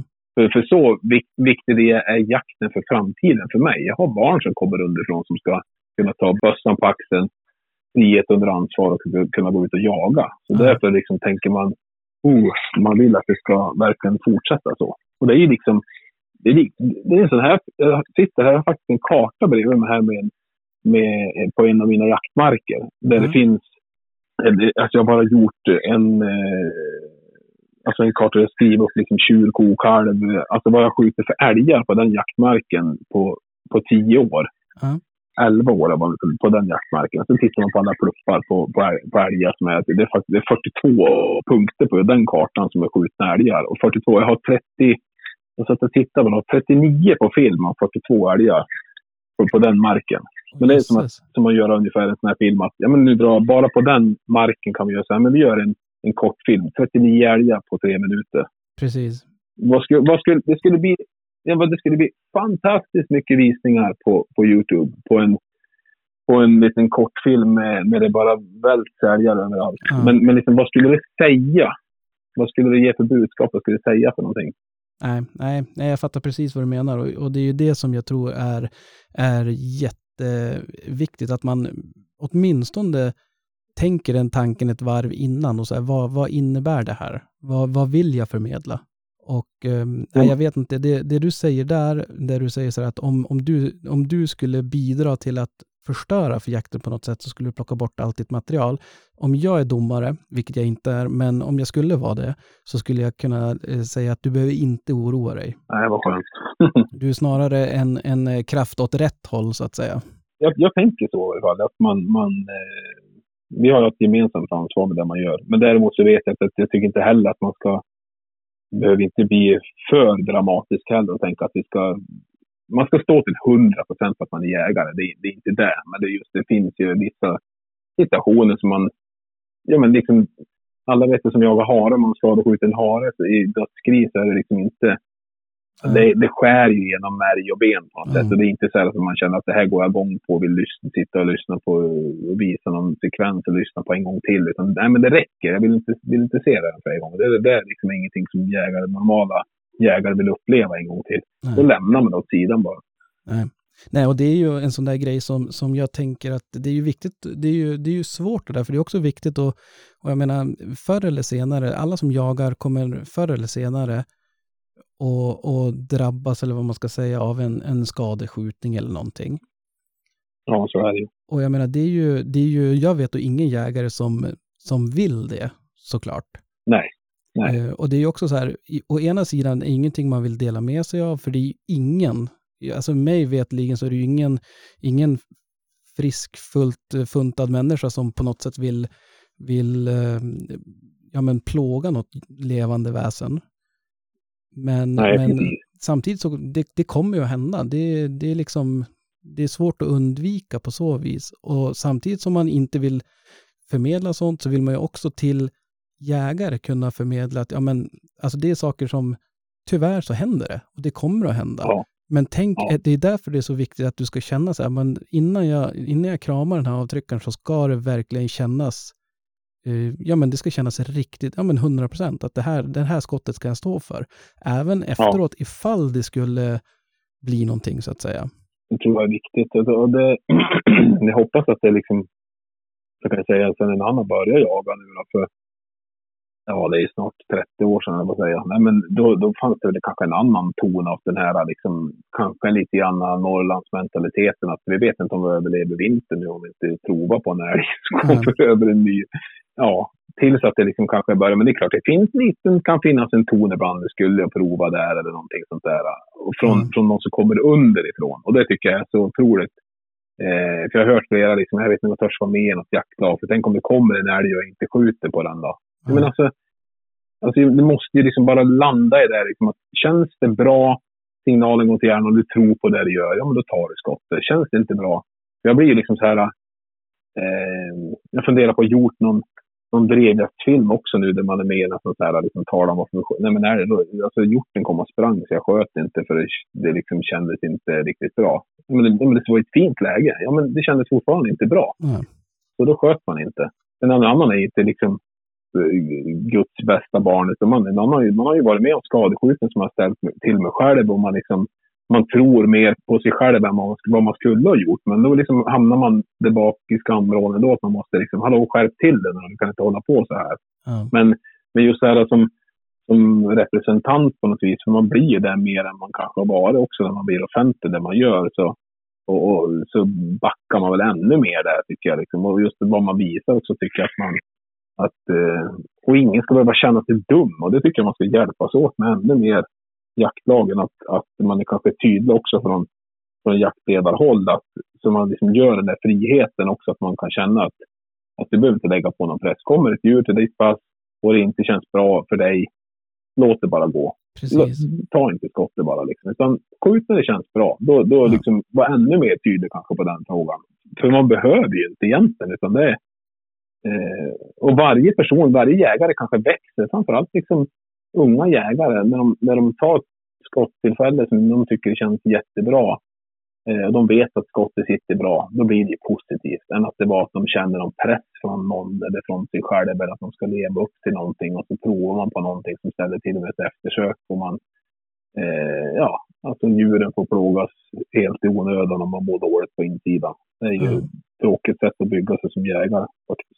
Ja, nej men det, det håller jag med om. Jag tycker att det, det är som du säger där, det är ju, det är ju jätteviktigt att man eh, som, eh, även framförallt kanske också som, som du säger, som, som profil eller vad man ska säga, som har en stor publik, att man, man är tydlig med det och även, jag tycker folk som lyssnar på det här, har ni, har ni några, några år in, innanför västen och, och känner er trygg så hör ni något så, sånt snack i något jaktlag, men du skulle ha testat, så jag menar, det är bara att säga att eh, jag, jag tycker att det var bra, du ska lyssna på dig själv. Absolut. Ja, men det är så. Det, det, jag tycker det är så roligt. Jag har varit med och filmat några. en kille som, en ung grabb som har tagit jägarexamen.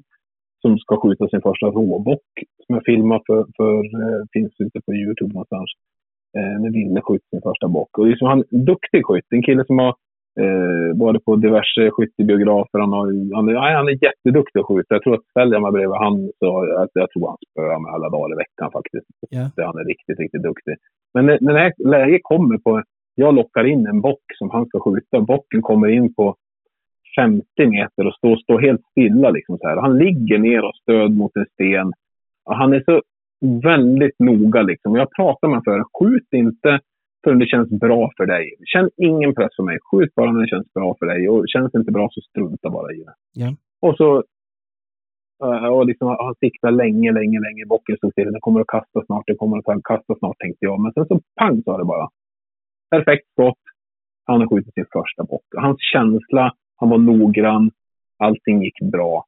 Han växte som jägare liksom. Ja. Eh, och det där jag tyckte var så fantastiskt att se. Det, Eh, hans pappa var också med, Johan, och fick vara med och dela den där jaktupplevelsen tillsammans. Allting gick jättebra. Jag tycker det är, nej, det är fint, tycker jag, när man, när man börjar så istället för att man börjar med att tro att man klarar av någonting som känns i princip omöjligt. Och så sen, det kanske gick bra, men, men att man bygger sig på ett det liksom, kan ju bli en traumatisk upplevelse, och, både för, för viltet och för jägaren i fråga. Om man känner någon press på något vis. Ja.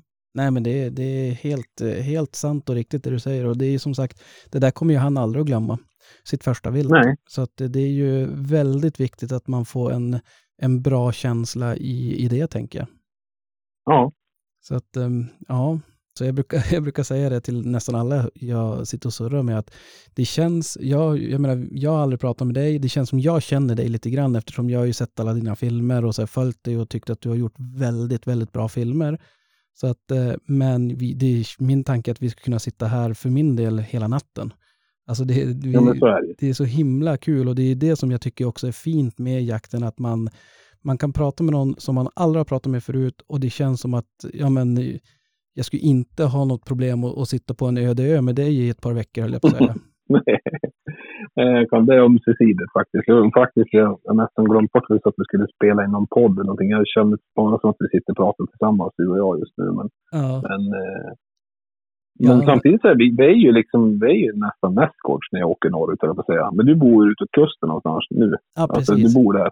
Ja. Men de andra kollegorna som du sitter och snackar med, visst är det någon också som är där uppifrån eh, närmare Storuman någonstans, eller? Ja, nej, men det stämmer. Krille, Krille bor ju där i, i trakterna, så att han, det är ju uppe med han jag har varit och jagat en del där också. Så, att, eh, Ja. Mm. eh, så han, det är ju som sagt hans eh, hem, hemmamarker där mellan, man kan säga det är mellan Storuman och Lycksele ungefär. ja, just det. Så att, nej, det, och jag menar, jag, jag tycker ju, det är kul att jaga och jag menar, jag jagar ju bock och, och bäver och, och sådana saker också, men just att när man får, Mm. när man får fara iväg och gärna så här, jag gillar ju tillgängligheten med att jaga älg hemma. Att man, så här, man kommer hem och man är inte ifrån familjen och sådana saker. Men också Mm. just det där när man kommer iväg på lite mer, ja man behöver inte oroa sig för någon E4 och sådana saker. Nej, det, det, det är svårslaget och, och jag vet inte, vi- jag hoppas att eh, i, i den bästa av världar så kanske vi tajmar så att vi jagar rå med varandra någonting åtminstone här i, i, i hösten som kommer. Då måste vi ju eh, dricka en kopp kaffe och surra lite grann. Ja, men det vore ju hur trevligt som helst.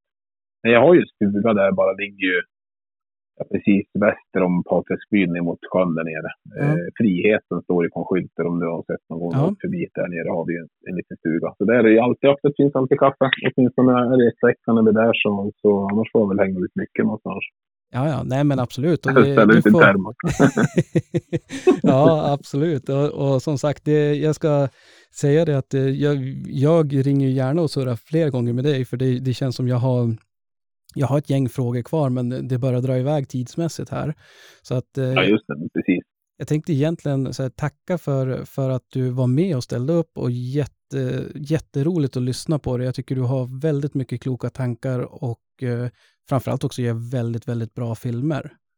Och jag Ja, tänkte det att eh, någonstans där att eh, hur ser planerna ut här framöver? Kan vi se fram emot några nya filmer på, på tuben? Absolut. Jag tror först ut nu är en, är en eh, återjakt på rävfilm. Och sen har jag ju, sen tror jag nog nästan film, nästa film är nog en film som jag kommer att göra tillsammans med, med eh, min farsgubbe. Han eh, är 74 år nu och han har ju filmat väldigt mycket jakt också genom åren. Och ja, natur och så vidare. Så att, det ska bli lite roligt. Vi ska göra en liten nostalgifilm. Dels har vi lite gammalt material som, som och även nytt som vi har filmat tillsammans och Mm. jagat tillsammans. Det ska bli någon, ja, det vet jag inte om det kommer att räcka med ett avsnitt på Youtube. Det kanske blir, en, det kanske blir någon fler, någon, någon serie eller någonting sånt där. Att försöka Ja. dela med sig av lite allt möjligt. Det skadar inte om det blir fler. Nej, så är det väl. Men annars så i övrigt så, så får vi se vad som händer. Jag har ju en hel del material som ligger. Men eh, sen har jag som lovat lite grann att jag ska börja släppa lite mer filmer. Jag skaffar lite nya kameror och sånt här. Så att det känns också som att man får lite mer inspiration. Så Ja. jag hoppas att det, att det kommer en hel del framöver. Det var väldigt dåligt sista året. Det har knappt varit någonting. Men annat än det som delas på SVT. Men eh, via jaktliv där. Mm. Men det var ingenting som jag filmade. Jag var bara med och, var bara med och jagade då. Liksom. Men, men ja, Ja, det är, jag jag ser, ser fram emot eh, allt eh, framtida material. ja. Innan vi avslutar så tänkte jag så här till sist, om du fick önska dig vad som helst just nu, vad skulle det vara? Man fick önska mig vad som helst nu. Japp. Jag skulle nog önska nästan att det var barmark, att jag var någonstans i eh, oktober någonstans med några goa jaktkamrater uppe på Patrik och fick släppa hundarna och jaga älg. Just nu, man pratar så mycket älgjakt och man, det kryper ju i kroppen på en. Man, man blir helt... Ja, nej, jag håller med. Och, och, och fått, ja, men jag skulle, då skulle man ju fått önska hela vägen. Nu skulle ju hund fått stått och skällt någonstans under, ja kanske uppe i Granhobben. Där uppe är det ju så fint. Där uppe någonstans eh, väst om Getarkojan vid, vid branten där. Stått och skällt på en rejäl stor skövelox som man fått smyga in på. Det hade varit drömmen. Ja, ja det är, jag kan inte göra annat än att säga amen. ja, precis. Ja, nej men du, tack så hemskt mycket David att vi fick ringa och störa dig här. Och Hörru du, det eh, var så lite så. Det var nöjet på, på helt på min sida. härligt, härligt. Ha en eh, fortsatt trevlig kväll så hörs vi. Det gör vi. Tack så mycket. Ha det gött. Tack själv. Hej. Sådär, då var vi tillbaka. Mm. Vad eh, spontana, direkta tankar, vad tänker ni, vad tycker ni? Jag tycker han verkar som en skön prick. Faktiskt. Ja, det kan jag skriva under Jävligt på. behaglig att lyssna på. Ja, och det, det som är så kul, jag surrade lite grann med han efteråt också. Mm. Och så sa han så här, bara, men du har så bra röst. Jag bara, nej, nej, nej. Och jag, det är som du sa innan vi började också, att jag blev, när, när jag ringde han, Mm. och, så här, och så svarade han bara, ja men det är David. Jag bara, ja, alltså, Det är David jag pratar Ja. med verkligen. ja, men det blir så här, vad fan pra, pratar jag med, med, med absolut älgjakt nu? Alltså Ja. det, Ja, jag låg i soffan och, och lyssnade på det där när jag kom hem. Eh, och var ju trött som satan. Så jag Ja. tänkte jag kommer aldrig gå, jag kommer att somna. Alltså jag låg, ögonen var som alldeles klotrunt. Jag låg bara och lyssnade. Det var skit skitbra att lyssna på. Ja, jo men han, det är ju så jäkla kul. Han går ju, som jag, som jag var inne på där när jag surrade med han går ju genom rutan på ett Mm. fantastiskt bra sätt. Men han går ju genom, genom hörlurarna Mm. på minst lika bra sätt tycker jag. Nej, jag tycker han hade väldigt kloka, kloka, vad säger man, saker att säga. Ja, Jag håller med honom mycket. ja absolut. Framförallt det här om, om, om njutandet. Det, Ja. det, det, det, det köper jag tusen alltså. Ja, det slog mig när jag satt och surrade med honom, när, när, när vi pratade om de bitarna, att så här, fan, det, är, ju- det är ju exakt det vi satt och pratade om Mm. inför jakten. Mm. Och, så här, och jag minns Krille, du, du utlovade att du skulle passa på att njuta också under jakten. Ja. Och det där är ju, det är svårt alltså. Man, även fast man inte, det är inte så att man så här, i, i år ska jag skjuta 20 älgar eller 30 älgar eller 5 älgar eller något Ja. sånt där. Det är inte det, men man blir en, jag, jag har ju den, den nackdelen eller vad man ska säga, att jag, ja, det blir lätt eh, för resultattänkt så att säga. Mm. ja, men jag blir ju stressad. Jag har ju svårt att njuta de dagar det går dåligt. Alltså Ja. att det är... Jag har ju svårt att se, så, exakt som man sa då, jag har ju svårt att se så supermycket positivt över den dagen. Ja.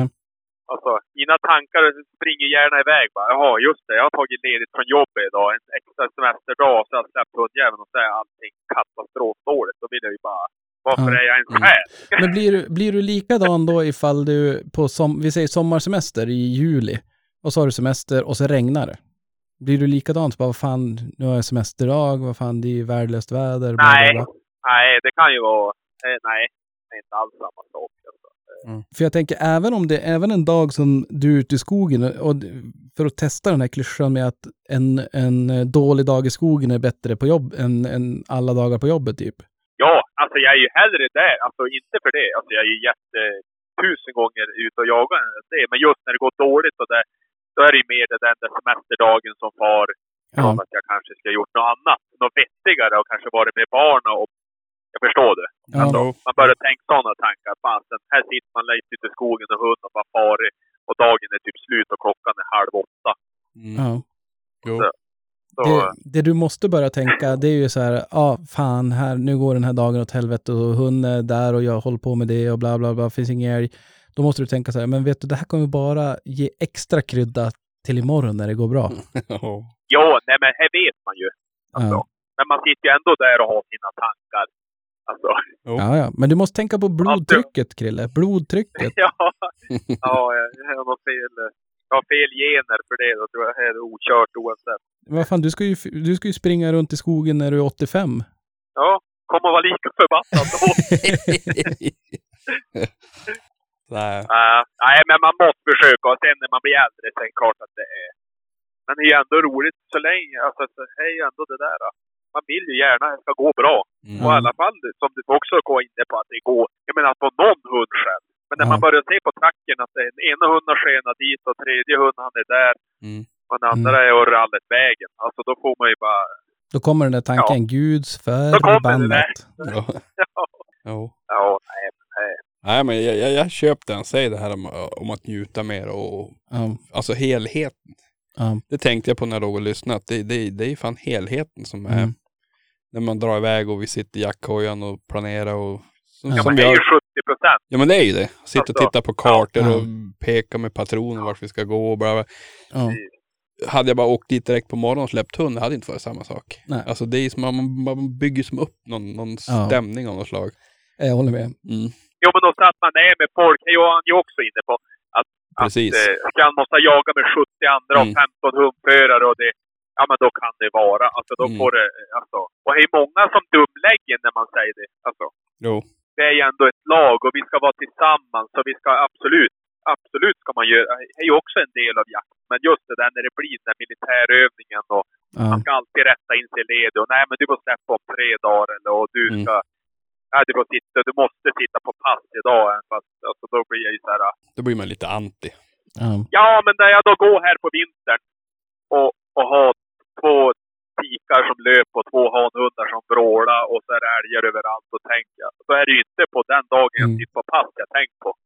Utan då är det ju de, här, de här dagarna jag sitter ner i någon koja. Ja, Tänk, det här är värt det. För jag, jag Ja. hoppas jag får igen det då. Alltså, precis. Nej, men eh, det, det måste jag säga att jag gillar ju, jag gillar ju verkligen Davids syn på, på jakten överlag, men även just det här, han är ju, han är ju väldigt inne på att man har, alla vi har ett ansvar vad vi lägger upp på Mm. sociala medier och hur vi pratar om jakten, att vi är ju någonstans ambassadörer allihopa. Mm. Men, eh, men framförallt kanske de som har många följare och de som syns och hörs mest. Mm, mm. Jag kan ju tycka, inte för att eh, eh, förringa någon annan som var nominerad, men det var ju, han var ju väldigt eh, välförtjänt av det här. Han kom på, på andra platser i, jaktgalan när det gäller, eh, vad heter det, jakt, eh, eller mediaprofil tror jag. Mm. Så att, och det är ju faktiskt jäkligt imponerande. Ja. Det, jag vill inte säga det allt för mycket när jag surrar med honom, för det, det vart kanske lite för, för smörande på så Ja. vis. Men man tänker vi, vi, kan, vi kan tävla mot, liksom Jakt i jakt, det är Nordens största jaktkanal. Mm. Shots and Pots, jättestor. Alltså de har ju, och sen är det en online-omröstning. Mm.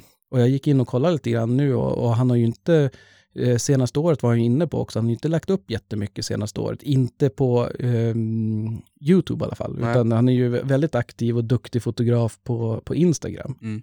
Så Mm. om ni mot all förmodan inte skulle följa han på Instagram och inte har sett hans filmer på, på YouTube, så Sandell Hunting, gå in och kolla. Jag tycker att Mm. det är svinbra. Jo, men det är väldigt, väldigt bra.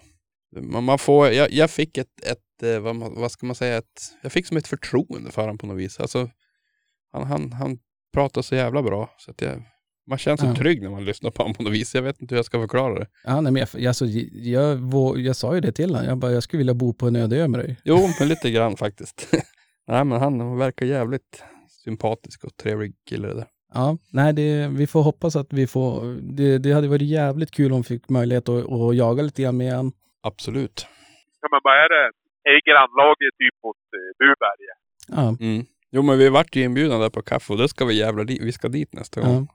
Och han lovar ju att hänga ut nyckeln eller ställa ut en termos. ja det är termosen. Man, Ja, precis. det, ja, det blir spännande. Det kan ju vara ett jävligt bra betyg till det termosföretaget. Ja, precis. Stått ute i tre månader. Fortfarande sticket. Nej, men han, trevlig prick. Ja, faktiskt. Faktiskt, faktiskt. Och, och han, eh, jag hoppas verkligen att han eh, vill vara med fler gånger, för eh, tiden gick jättesnabbt. Jag, jag känner att jag har ju jättemycket jag ville fråga och surra om, men, Mm. Mm. men, men. Ja. Yes, och vi, för alla som följer oss och är medlemmar i våran älgjägare emellan surr på, på Facebook, är ni inte det så gå med där. Mm. Så har vi haft en liten omröstning där. Jag fick ju ett uppdrag av Krille sist. Och då tänkte jag att det, det är väl säkrast att göra som han säger. Det tycker jag. Så att vi, vi hade ju en fråga där. Nu har inte jag förberett mig som vanligt så superbra, men jag vill minnas att vi ställde en fråga om eh, vilket foder man ger hund sin. Mm. Frågan vi ställde, det var ju så här, vad ger du för typ av foder? Mm. Eh, om du mixar, skriv gärna det och eh, varför i kommentaren. Gå även att lägga till egna alternativ och det gjorde folk i viss utsträckning.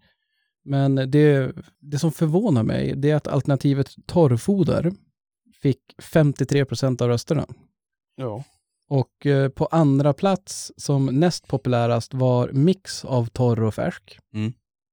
Och på tredje plats eh, färskfoder. Yes. Sen hade vi, jag måste också nämna det, att det var två stycken som svarade som, som svarade inget. Då blir man lite orolig. Ja. Det är två, eller hungriga hundar där ute kanske. Och så en som la till en egen också, har ingen hund. Det tycker jag, också, tycker jag också var lite kul Ja, faktiskt. Så att, och framförallt också, vi ska, vi ska säga det, torrfoder och malt avskär från höstens älgar och styckningar. Mm. Den är ju, ja, det måste jag säga, det är, det är imponerande. Det är jävligt imponerande, mycket jobb.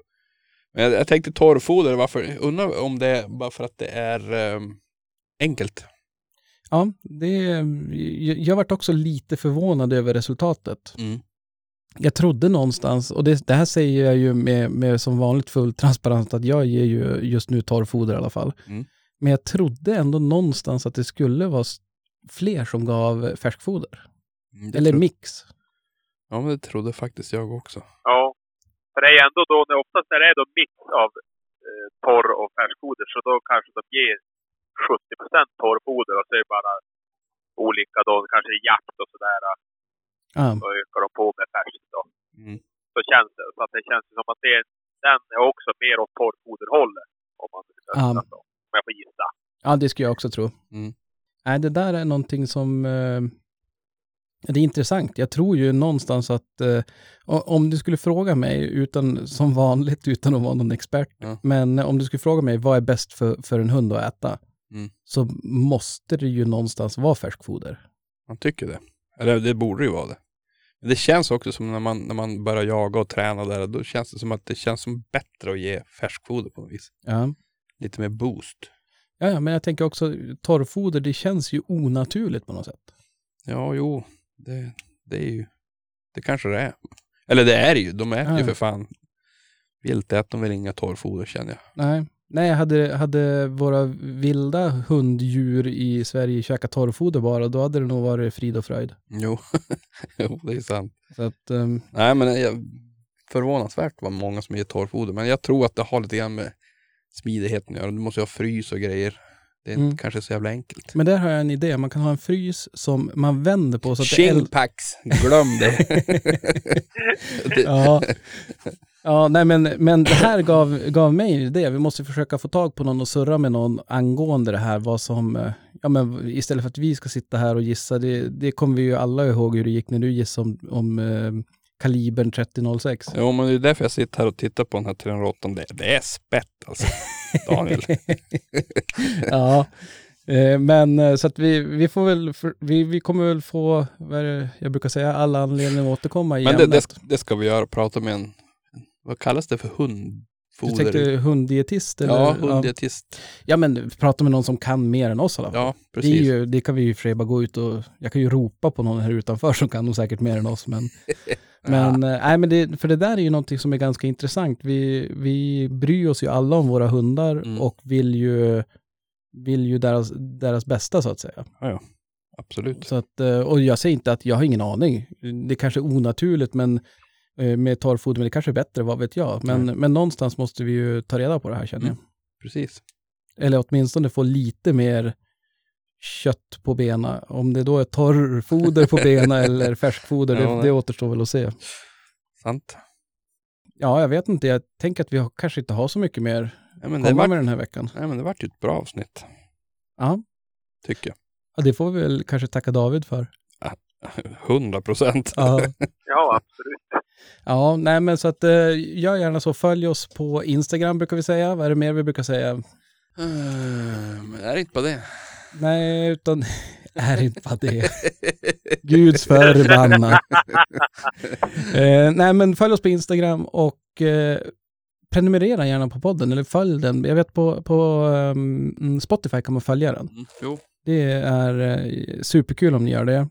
Och eh, ja, men gå med i Älgjägare mellan surr. Det är nästan det viktigaste om jag, om jag får välja sådär. Ja. Jag tycker det är svinkul när vi får in bilder och, och kommentarer och, och även de här omröstningarna. Så jag tycker det är skitkul.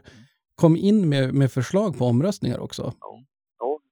Ska vi eh, kanske tacka för, eh, för att folk har lyssnat? Om de nu har gjort det. Ja, det tycker jag vi kan göra. I den här tiden igår då hade jag sovit en och en halv timme idag. Ja. Jo, du, du är ingen ungdom. Nej du gosse. Nej, nej men sköt om er Ja. och, och ta hand om varann och er själva så, så hörs vi nästa vecka. Jajamän, vi gör så. Jajamän. Ha det gott. Hej då. Ha det gött. Jag hörde hon som skällde gäst Rune smög fast det var väst Och jag stod kvar på post på Säterbrua han svor och grumta som en gris. Det var för mycket busk och ris. Det enda som han såg var halve kua. Halve kua.